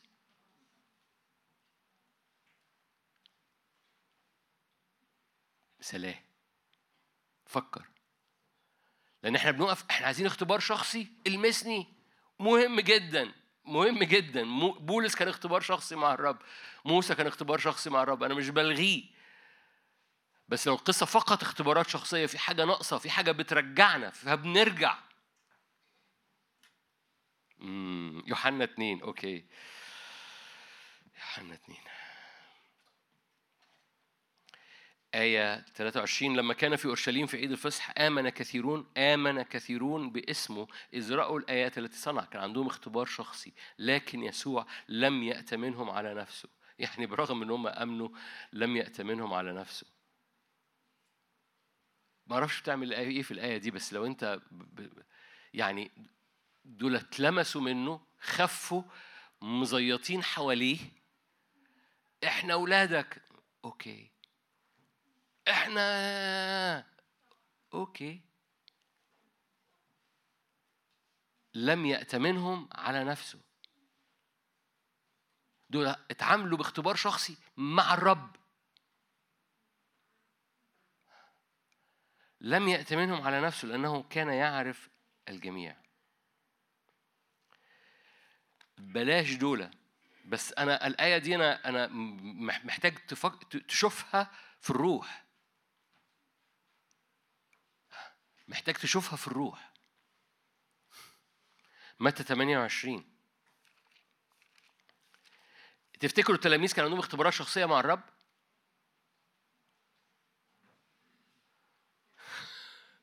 أشكرك إنك مبتسمة محدش منهم ابتسم إلا أنت.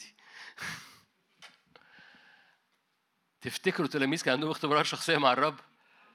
ثلاث سنين ونص بيخدموا معاه صباح الخير. صباح الخير. يعني عندهم اختبارات معجزات هو عملها. اختبارات معجزات هم عملوها باسمه؟ صح. are you here حد مسيحي هنا؟ Okay. عندهم اختبارات هو عملها وعندهم اختبارات هم عملوها باسمه. فهم عايشين اختبارات شخصية all the time ثلاث سنين ونص. Okay. متى 28 16 أما ال 11 تلميذ فانطلقوا إلى الجليل. متى 28 آخر صح في متى؟ آية 16 أما ال 11 تلميذ فانطلقوا إلى الجليل إلى الجبل حيث أمرهم يسوع. لما رأوه سجدوا لكن بعضهم الاختبارات الشخصية لم تمنع أنهم يشكوا.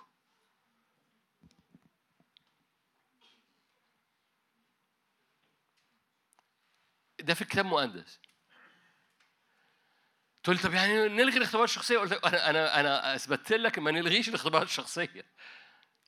بس الاختبار الشخصي لو هو آخر المتمة لو هو آخر سقفك لو الاختبار الشخصي هو بس لو لمسني لو هو ده آخر صلواتك لو هو بس أو لو الخادم بس حط إيده عليا لو هو ده آخر علاقتك مع الرب أنت عامل سقف واطي جدا لمستوى القوة اللي الرب عايز يلمسك بيها. التلاميذ كان عندهم اختبار شخصي ثلاث سنين ونص. هو عمله وهم عملوه باسمه. لكن هذا الاختبار لم يحفظهم. فيما يوحنا اتنين دول ناس شوفوا وأمنوا. ويسوع عامل distance عامل مسافة لم يأتمنهم على نفسه. ليه؟ لأنه عارف. ده اختبار شخصي بس. ده ده ده, ده, ده الدنيا مش deep الدنيا مش عميقة. أوكي. ده يخليني أتقلب معاك تقول لي طب طب طب إيه اللي حصل في التلاميذ؟ أقول لك حصل اختبار جماعي. حصل اختبار جماعي. إمتى؟ يوم الخمسين. حصل اختبار جماعي. هم على مستوى شخصي. أنا بطرس أنا الجدع أنا يوحنا أنا الحبوب أنا ال... okay? فكل واحد منهم بالهبة بتاعته شغال سفر القضاة. فأنا بطرس اللي مليان إيمان اللي مشي على المية أنا يوحنا الحبوب المشهور بالحب أنا اللي مش عارف أنا اللي okay? أنا يعقوب الحكيم التقيل اللي دايما بياخدوني مع بطرس ويوحنا. إحنا الثلاثه شربطاطة. بي... بياخدنا. أنا آسف لأخواتنا اللي ليش؟ أنا آسف هكمل في الشربطات. إحنا الثلاثه اللي بياخدنا فوق الجبل التجلي. إحنا الثلاثه اللي دخلنا والبنت بتقوم الموت. إحنا الثلاثه اللي على راسنا ريشة. إحنا الثلاثه الشربطات. الكريمة. إحنا الثلاثه الممسوحين. فبعضهم شكوا. Are you here؟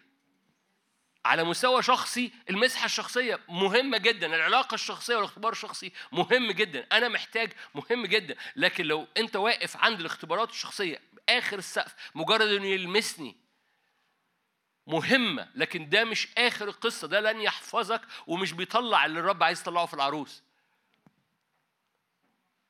ولو انت فتحت اللي الرب عايز يطلعه في العروس هينسكب عليك على مستوى شخصي أضعاف لأن الحجم السعة اللي الرب سيسكبها عليك هي حجم سعة العروس مش حجم سعة احتمالك انت. فلما يبقى في اختبار جماعي وتنشن على اختبار جماعي اعرف إزاي تستقبل على مستوى شخصي. بس من فضلك ما تنشنش وانت واقف قدام الرب على اختبارات شخصية ادرك ان الرب عايز يملى العروس كلها مجد. هنحكي بكرة آيات كتيرة. بس التلاميذ اللي اختبروا لمدة ثلاث سنين اختبروا حاجات منه اختبروا حاجات هم بيعملوها باسمه في الآخر شكوا. إيه اللي حصل لهم؟ لما حصل معاهم اختبار جماعي. انسكب الروح القدس. عشان كده صعد إلى العلاء. فاكرين؟ لو هو وا... لو هو استمر في الأرض هيبقى اختبارات شخصية. لما سبى سبيا وصعد إلى العلاء فأعطى الناس عطايا الموضوع بقى اختبار جماعي.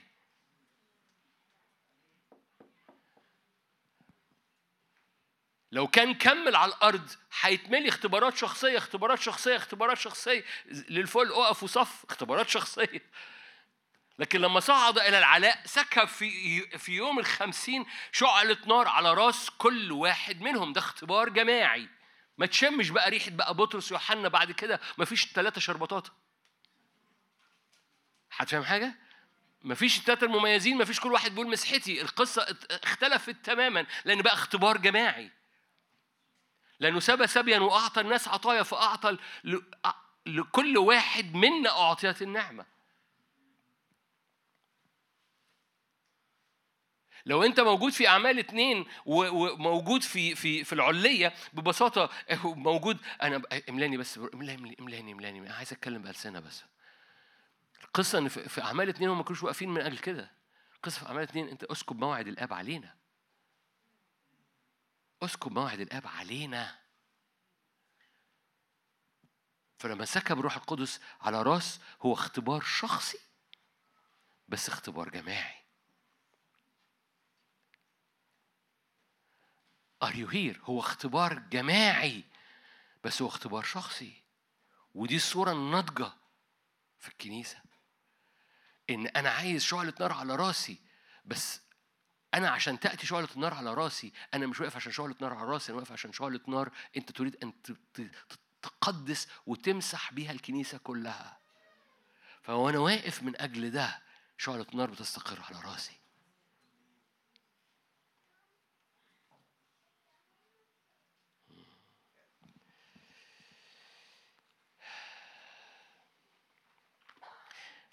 خروج 19 عشان الوقت؟ خروج 19 نختم.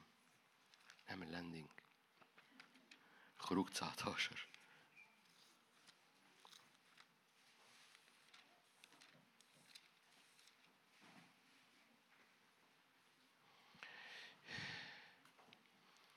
خروج 19 آية 4 أنتم رأيتم ما صنعت بالمصريين.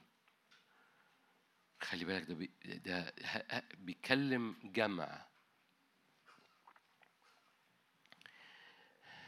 مين واقف قدامه؟ موسى. بس هو بيكلم جمع. أنتم رأيتم؟ مش أنت رأيت. أنتم رأيتم ما صنعتم بالمصريين. أنا حملتكم جمع. على أجنحة النسور. وجئت بكم إلي إن سمعتم لصوتي وحفظتم عهدي تكونون لي خاصة من بين جميع الشعوب فإن لي كل الأرض. أنتم تكونون لي دي الآية اللي أنا عايزها مملكة كلها عندها اختبار روحي واحد إن هم كلهم كهنة. مملكة كهنة أمة كلها مقدسة.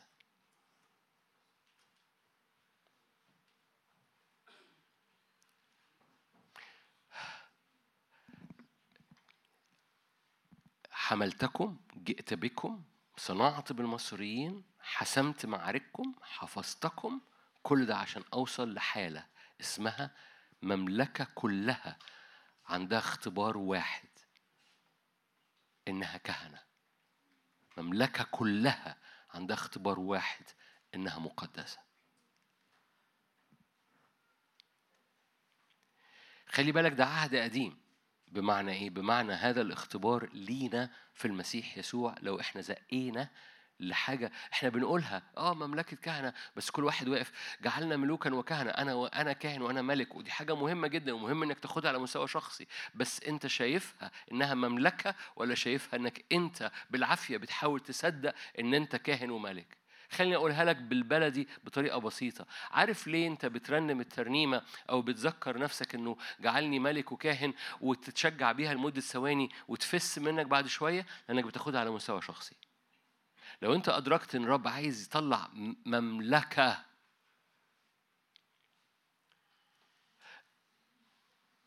رجائي بروح القدس إنه ينزل طبقة من من من على قدام عينيك فتشوف العروس كلها في لحظة. عايز يطلع عروس كلها كهنة. العروس مش إحنا اللي في القاعة ولا اللي بيشاهدوا معانا دلوقتي بس. مرة تاني العواجيز المشلولين اللي في المصحة اللي في السجن اللي في مملكة لأن في ناس واقفة قدام الرب بتريبريزنت بتقول له رب أنت العروس كلها كهنة. إيه اللي حصل هنا؟ إيه اللي حصل هنا؟ الشعب قالوا لأ. مش هينفع مش معقولة كلنا كهنة. لأ مش معقولة كلنا كهنة مش مش معقولة كلنا. فطلع في الآخر صفصفوا على سبط اسمه لاوي. وعاشوا على مستوى أقل وعاشوا على مستوى أقل وعاشوا على مستوى ناموس.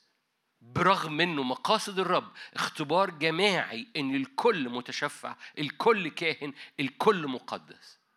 الكل الكل اللي مدرك واللي مش مدرك بتحصل سحابة تقوم حاطة على العروس وكل حد حتى اللي مش مدرك بيحول فجأة بتحصل زيارة عليه وبيتشفع للرب. في حاجة اسمها كده في الكتاب المقدس؟ يس لو زقينا ليها ما اختبرناش قبل كده؟ يس لأن لأن في سقف وإحنا بنزق من أجل بنزق ضد السقف ده.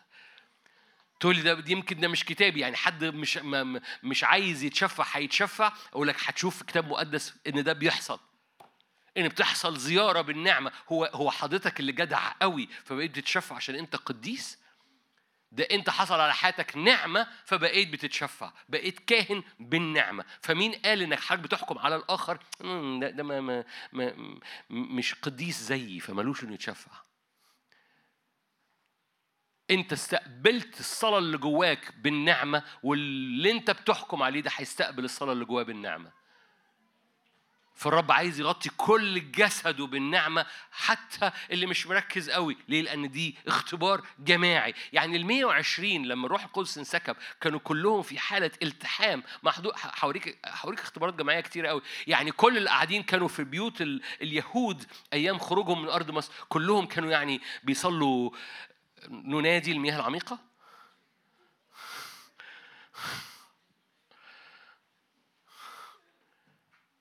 لا كان فيهم اللي بيلعب في مناخيره كان فيهم المحصور في ظروفه كان فيهم اللي بي- بي- بيبص على بنت الجيران.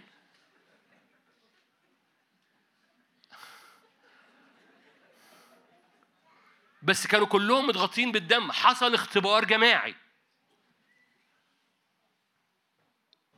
معلش إحنا إحنا احنا- مصدقين في كتاب مقدس ومش مصدقين في كتاب مقدس. إحنا بننحسر اصل إحنا محصورين قوي في دبورة وجدعون وشمشون ومفتاح فبنعيش قضاة. حصل اختبار جماعي لكل حد موجود في أوضة متغطية بالدم الحمل مغطيها. فأي حد الحمل مغطيه مش مستثنى من زيارة اختبار جماعي بنقف من أجله إنه يغ- يغمر الكنيسة كلها. ولو وقفنا من أجل ده هنختبر إحنا في حياتنا أضعاف لكن الكنيسة هتزق لحتة لم تدخل ليها من قبل. فمش كل كانوا موجودين جوه الأوض بتاعت اليهود في وسط المصريين كانوا يعني في حالة روحية متقدمة طايرين في الهواء لا كان فيهم المكتئب كان فيهم الحزين كان فيهم الست العجوزة اللي مش مركزة أنتوا بتعملوا كده ليه؟ أنا مش فاهمة حاجة. كان فيهم ناس مش فاهمة. بس طالما غطاء الحمل على البيوت هذه البيوت كانت تختبر اختبار جماعي في ليلة واحدة برغم إن هم ما كانوش قاعدين في اجتماع واحد مع بعض. خلي بالك انت انت ممكن تدمر حاجات كتيرة جدا تصورات كانت موجودة جوه دماغك عن إزاي ربنا والمسحة والمش عارف إيه والبدنجان فهم ما كانوش قاعدين مع بعض كان كل واحد في بيته لكن في اختبار جماعي في ليه؟ لأن في حالة في إدراك جماعي في اختبار جماعي. بيحصل في زيارة جماعية بتحصل مم. أنا عارف أنا بلعب في حبة حاجات كان المفروض أستنى عليك لبكرة بس أنا أنا بلعب في حبة حاجات في بعض الأحيان حطيناها في قوالب وإبليس عمل سقف لتوقعنا الرب هيعمل إيه في العروس. ما لو فضلنا بنفس الطريقة هي دبورة هو يفتح هو جدعون هو شمشون فبنفضل في نفس الحالة بندور في نفس الحتة. والعروس جاء وقت إنها تتنقل لهذا النضوج في النفسية.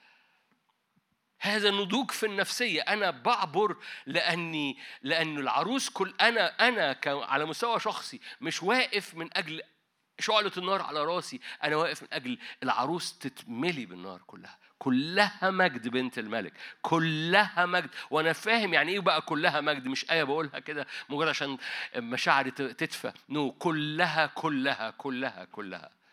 كلها ما. فأنا واقف من أجل المجد اللي يغطي كل حتة في العروس ولأني واقف المجد بيستقر عليا لأن الحجم اللي بينسكب عليا أضعاف لو أنا بطلب من أجل نفسي بس كلها دي أنا واقف واقف مدرك إن في حاجة أكبر جدا من الحجم الطبيعي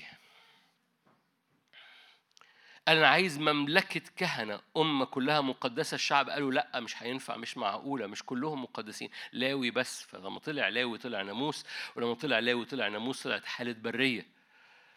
بس قصد الرب المعلن من أول يوم أنا عايز المملكة كلها عندها اختبار واحد اسمه كهنة. المملكة كلها عندها اختبار واحد مقدس. آخر آية يوحنا الأولى الصح الأول. آخر آية. يوحنا الأولى الإصحاح الأول. الذي كان من البدء.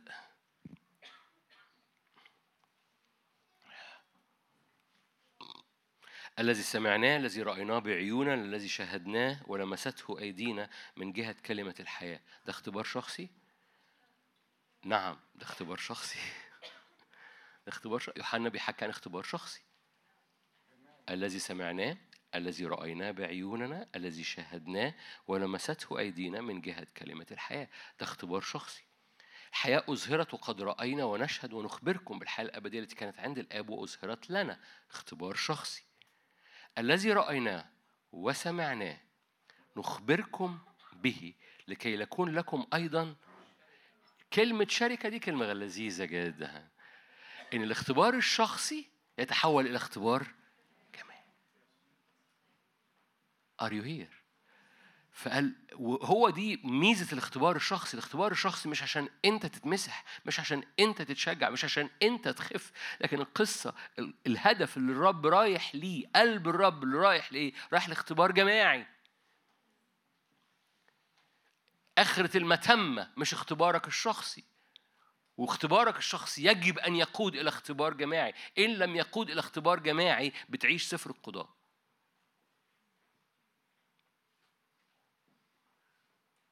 وبالتالي لما بتنشن على إنه الرب يريد أن تخيل شوف معايا شوف العروس بتاعت ال- ال- الكرة الأرضية. بلاش الكرة الأرضية شوف العروس في المنطقة العربية. بلاش المنطقة العربية شوف العروس اللي في بلدك. إيه أخبار العروس اللي في بلدك؟ في هذا المؤتمر إحنا هنكسر السقف. سقف صلواتنا سقف تشفعنا سقف إيماننا سقف توقعنا. سقف طلبنا إن النار تنزل عليا إن النار تنزل على اختبار جماعي اختبار جماعي اختبار جماعي. آمين. خلينا نصلي مع بعض. يا رب نحوك أعيننا نحوك أعيننا. عينينا مرفوعة إلى رئيس الإيمان إلى رأس الجسد إلى عريس نفوسنا.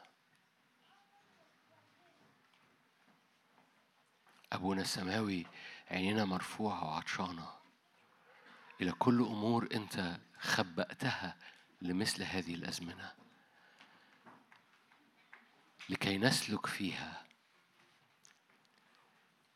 لكي نقف أمامك من أجلها. أبونا السماوي إحنا بن بنختار إن إحنا ما نوقفش قدام الستارة المقفولة. وبندرك إنك أنت فتحت لينا ستائر ورا ستائر من كنوز مجدك. لأنك بتجمل العروس لغاية لما تبقى بهية لغاية لما تبقى شبهك. أنت بتجمل العروس لغاية لما يبقاش فيها ولا عيب ولا غضن ولا شيء من مثل هذا. انت بتطلع جيل مش مشغول فقط باختباراته الشخصية. لكن مدرك إن انتصاره هو جزء من جسد كبير بيتملي بنفس الاختبار.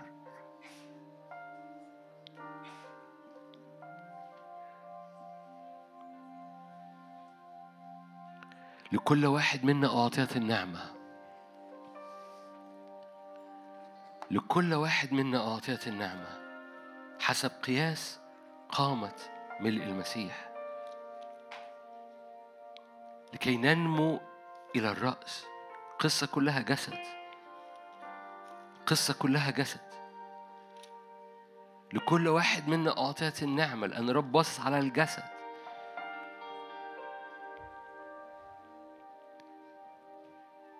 لكي ننمو في كل شيء إلى ذاك الذي هو رأس المسيح الذي منه كل الجسد مركبا معا مقترنا بمؤازرة كل مفصل حسب عمل على قياس كل جزء. يحصل نمو الجسد لبنيانه في المحبة. مد إيدك معايا.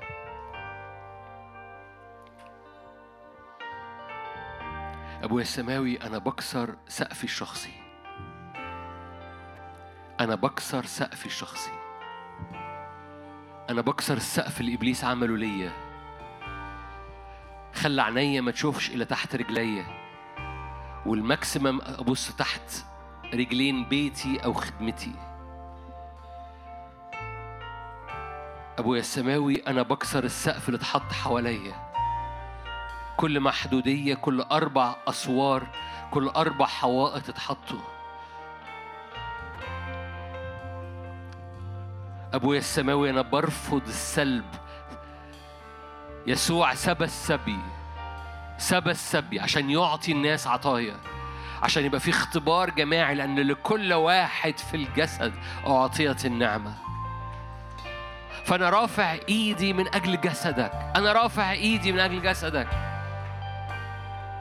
مش علشان بصلي من أجل الكنيسة القصة مش بتصلي من أجل الكنيسة أنت بتصلي من أجل اختبار جماعي مليان مجد. ما تخرجش من هذا الاجتماع بتقول آه نادر خلينا نصلي من أجل الكنيسة النهارده. نو قصة مش بنصلي من أجل الكنيسة. دي النتيجة السطحية جدا إن إحنا بنصلي من أجل الكنيسة، إحنا بنصلي من أجل اختبار مليان مجد بيغطي عروس المسيح كلها.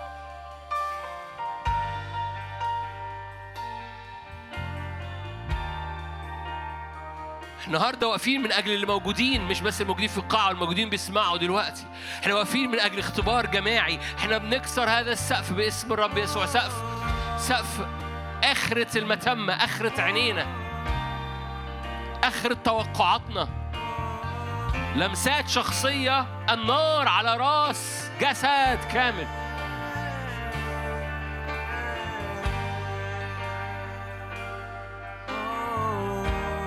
أوسعي مكان خيمتك أطيلي أطنابك.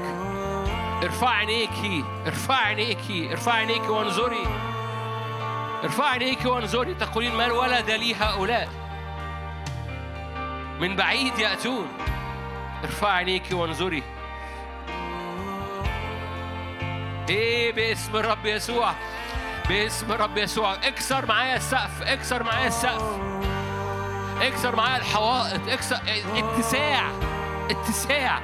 احبائي هيحصل شفاءات بكثرة على مستوى شخصي لما نصدق بمسحه جماعية على جسد الرب. كلها مجد بنت الملك. لا يقول ساكن فيها أنا مرضت. ده اختبار جماعي. هللويا. هنختبر شفاءات شخصية لما نصدق في اختبارات جماعية.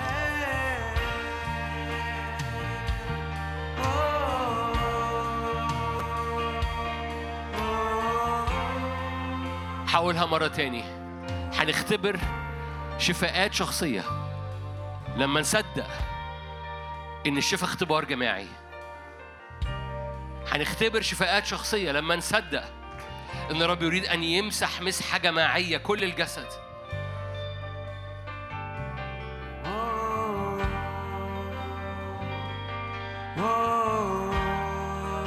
اكسر السقف. اكسر السقف. شو- شوف الناس اللي حواليك من غير ما تبص عليهم. في. في في جموع عن يمينك وعن شمالك مش بس في الجسد. في جموع.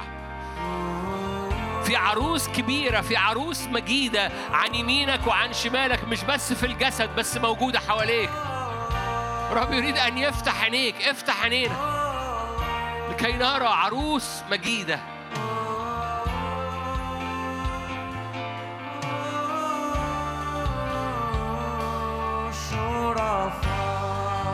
هللويا حكماء وقضاء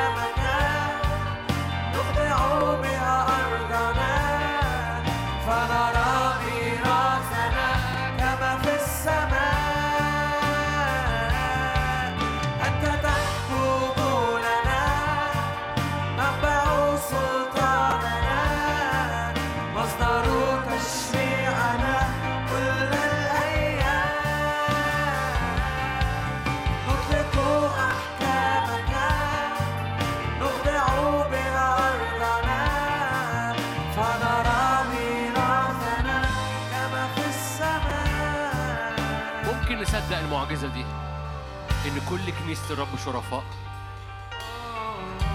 معقولة؟ معقولة؟ يا كل كنيسة الرب شرفاء كلها حكماء كلها قضاة مش دبورة بس مش جدعون بس مش افتاح بس. كلها ممسوحي الرب. املأ اتملى بعينيك قبل ما نقولها مرة تاني. اتملى بعينيك.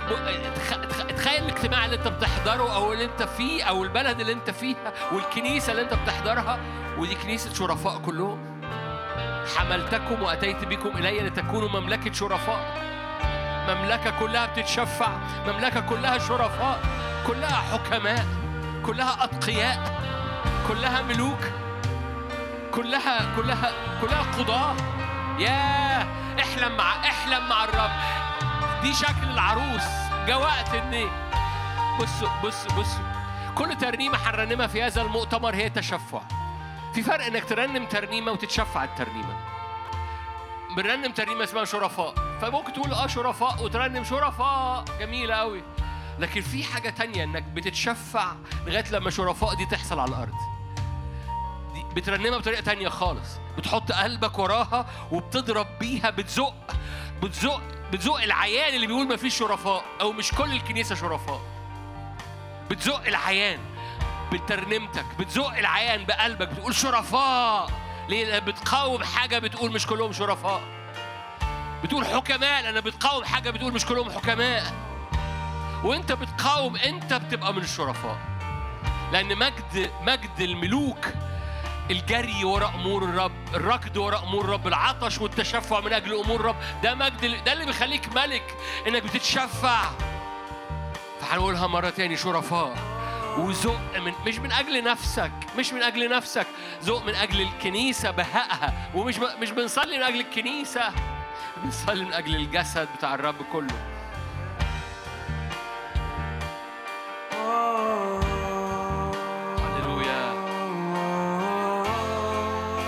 روح التشفع.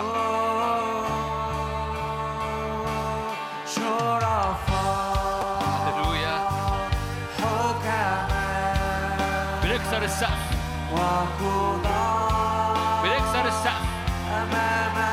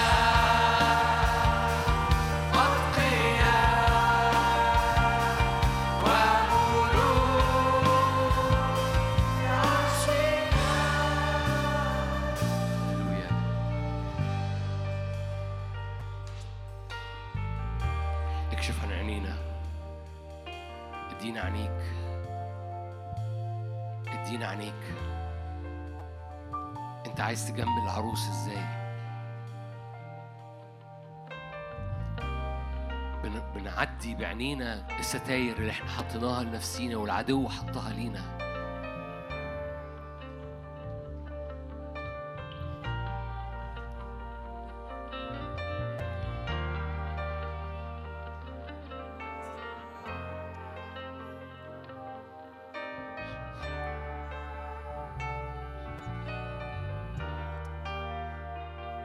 اختبارك الشخصي بيتضاعف لما تقف في مكان واسع مدرك إنه مقاصد الرب أوسع جدا أوسع جدا أوسع جدا أوسع جدا.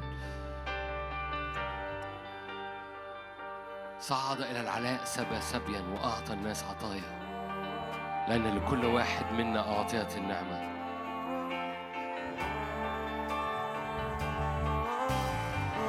ما زلت شاعر البعض محتاج يصلي الصلوة دي يقول يا رب أنا أنا بحطم الأوضة الصغيرة اللي أنا حطيت نفسي فيها. أنا بكسر الحوائط الصغيرة اللي أنا حطيت نفسي فيها. البعض محتاج يصلي الصلوه دي البعض محتاج يصلي الصلوه دي.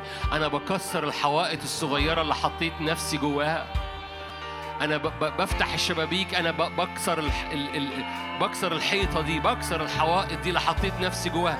قال قال إبراهيم كده إبراهيم جوه الخيمة بيقول أنا ماضي عقيم وارث بيتي العازر الدمشقي قال له اخرج من الخيمة الصغيرة دي. عد نجوم السماء إن استطعت أن تعدها. عد نجوم السماء إن استطعت أن تعدها.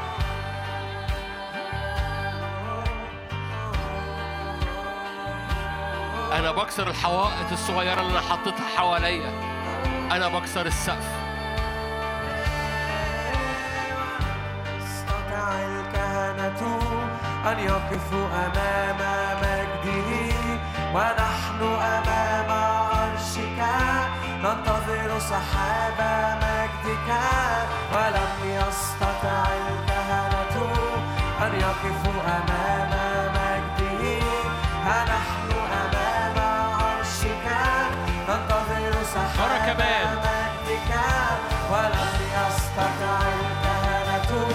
أن يقفوا أمام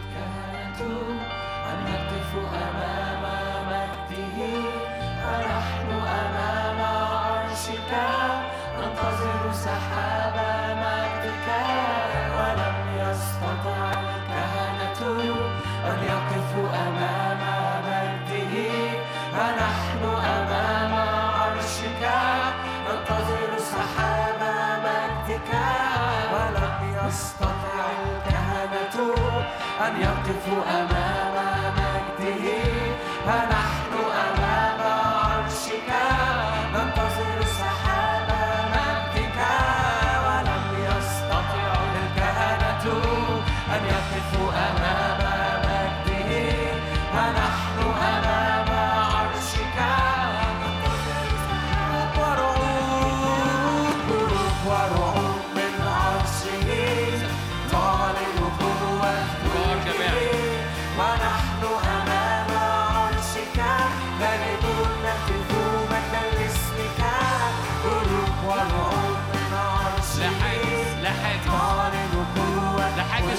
ولا حاجز جماعي.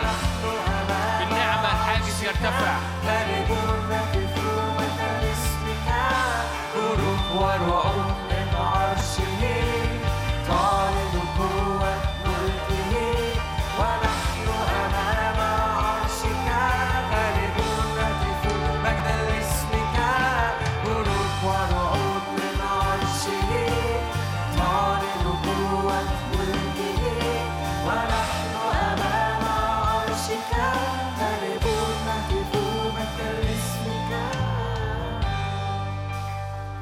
حاجز شخصي ولا حاجز جماعي يمنع الاختبار الجماعي لأن النعمة تفتح وتشق وتخترق.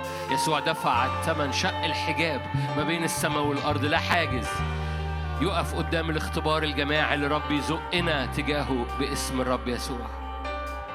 قلوبنا متحدة هو ده شعب واحد بإيمان واحد. وهذا ابتداء زقهم هذا ابتداء انهم يزقوا من أجل اختبارات جماعية.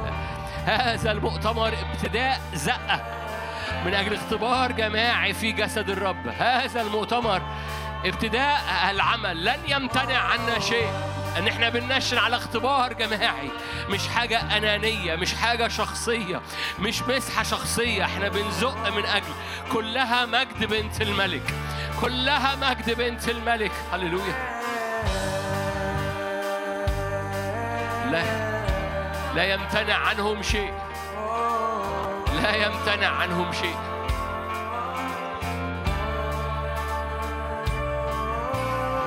استيقظي يا ذراع الرب. البسي قوة يا ذراع الرب. استيقظي يا ذراع الرب. البسي قوة يا ذراع الرب.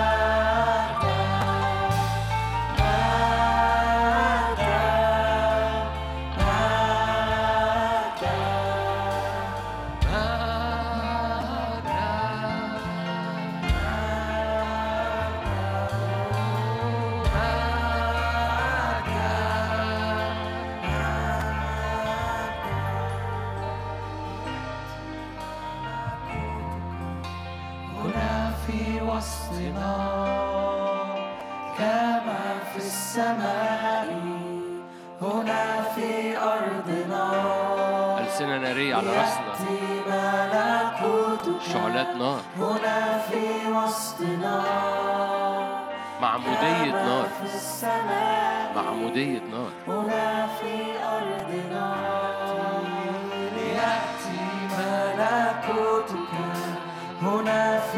في وسطنا كما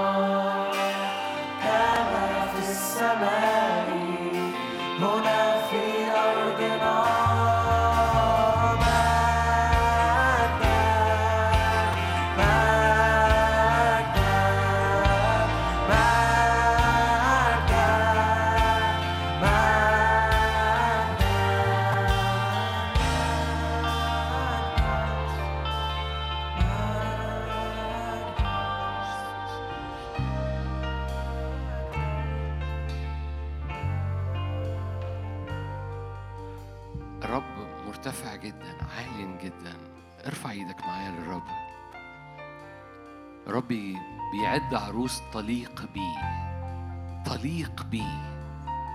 رب مليان بهاء مليان مجد مليان نور كله نور كله نار من حقويه إلى أسفل ومن حقويه إلى فوق نار. عروسته شبهه من حقويها إلى فوق حقويها إلى تحت كلها نار كلها مجد كلها نور. لأن العروس شبهه كان لائق أن الرب يبقي هذا الإعلان للأزمنة الأخيرة علشان نزق فيه لأنه الرب يعد العروس. الرب يعد العروس الرب يعد العروس اللي شبهه. كلها مجد كلها نار. اختبارها الجماعي كله نور.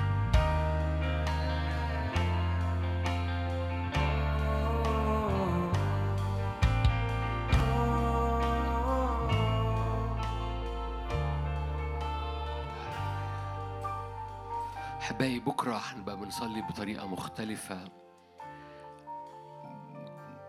لا روحي بتقفز من أجل نعمل حاجات قبل ميعادها بس أنا بوقف نفسي. بس أنا حريص إن الاجتماع ده ما يخلصش حتى لو طولنا شوية.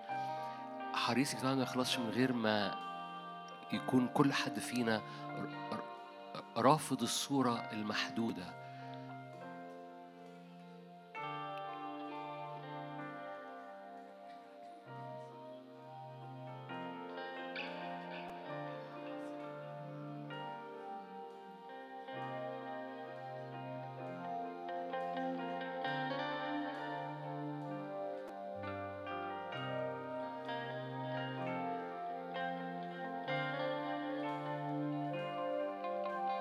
حريص إن ما يخلصش هذا الاجتماع بيقول ما كل حد فينا رافض أي أي صلوة أو أي صورة محدودة حواليه. إبراهيم اللي جوه الخيمة قال أنا ماضي عقيم. إبراهيم اللي بره الخيمة وبيشوف المشهد الكبير بيؤمن وبيصير نسله أكثر من نجوم السماء. اختبارك الشخصي بيتضاعف لما بتدرك وتؤمن وتصلي وتزق من أجل اختبار جماعي براك أنت. نجوم السما ده ما كانش اللي هيجيبهم إبراهيم شخصيا بس هو خرج بره نفسه. خرج بره نفسه. أدرك إن في اختبار جماعي لأمة. مملأ أمة مقدسة. مملكة كهنة. فلما خرج بره نفسه اختباره الشخصي تضاعف. حريص جدا. أي حتت صغيرة في ناس تبقى موجودة جوه كده الشرنقة بتاعتها موجودة جوه الشرنقة بتاعت خدمتها مسحتها احتياجاتها. ده سفر القضاة اللي مليان أبطال بس حالة معينة. تعالوا نرفع ايدينا مع بعض في نهاية الاجتماع. باسم يسوع. أبويا السماوي اجتمعنا في هذه الأيام عشان نزق زقة ليست من أجل نفسينا بس بس بنزق زقة من أجل اختبارات مختلفة على الأرض. في عروستك اختبارات مختلفة على الأرض في عروستك. اختبارات مختلفة في المنطقة العربية على الأقل في المجتمعات العربية اللي في بلاد أخرى عشان ما يزعلوش مني. بنزق من أجل اختبارات جماعية في الاجتماعات زيارات جماعية في البيوت اختبارات جماعية من السن الكبير للسن الصغير في نفس الوقت. مبقاش في حواجز مبقاش في اختلاف في الاختبار يبقى اختبار جماعي. أنا وأهل بيتي اختبار جماعي. لم يكن عاثر في وسطهم اختبار جماعي. الشعب الساكن فيها مغفور الاسم اختبار جماعي. اختبارات جماعية باسم الرب يسوع. يا رب نزق من أجل اختبار جماعي يعبر في كل الشعب في اسم الرب يسوع. نار على راس كل واحد فيهم. اختبار شخصي بس على كل واحد فبقى اختبار جماعي. اختبار جماعي بيلمس راس كل واحد فيهم. كنيسة نارية كنيسة نارية عروس نارية. شبه عريسها.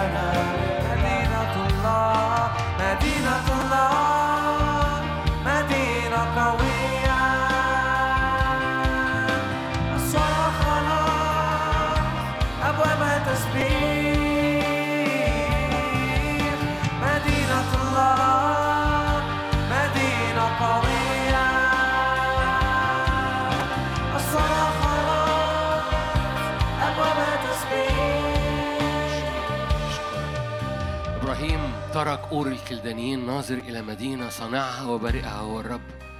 مدينة مرتفعة كلها مجد كلها مجد كلها مجد.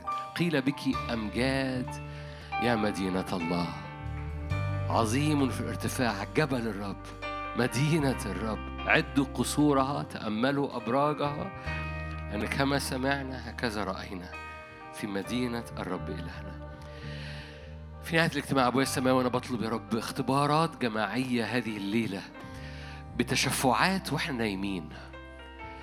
أبويا السماوي صلاتي لهذه الليلة إن زيارة من روح التضرع والتشفع تمر علينا كلنا علينا كلنا. إن تملى هذه الليلة وإحنا نايمين وإحنا مدركين وإحنا مش مدركين تملانا تشفعات. أوقظ أرواحنا لتشفعات الليل. أوقظ أرواحنا لتشفعات الليل. وليكون ده اختبار جماعي وليكون دي أول زقة نزقها مع بعض في هذا المؤتمر. فزقها معايا صليها معايا قول يا رب املى ليلي بصلوات تشفع وتضرع. وأنا نايم وأنا مدرك وأنا مش مدرك فأستيقظ في روح صلاة وتضرع. وتشفع باسم الرب يسوع. املى ليلنا. بنزق. اختبار جماعي. اختبار جماعي. اختبار جماعي. اختبار جماعي. بلا استثناء. حتى اللي بيحبوا يناموا وي- عمرهم ما بيناموا كويس. حتى اللي ما بيناموش كويس. حتى اللي حتى اللي عمرهم ما حلموا أحلام. حتى اللي عمرهم ما صحيوا على الروح القدس. زيارة زيارة زيارة باختبار مفاجئ. زيارة جماعية لتشفعات. زيارة مفاجئة لروح النعمة والتضرعات. على أرواحنا. هذه الليلة باسم الرب يسوع. محبة الله الآب نعمة ربنا يسوع وشركة وعطية الروح القدس تكون معكم تدوم فيكم من الآن والأبد. أمين. ربنا معاكم.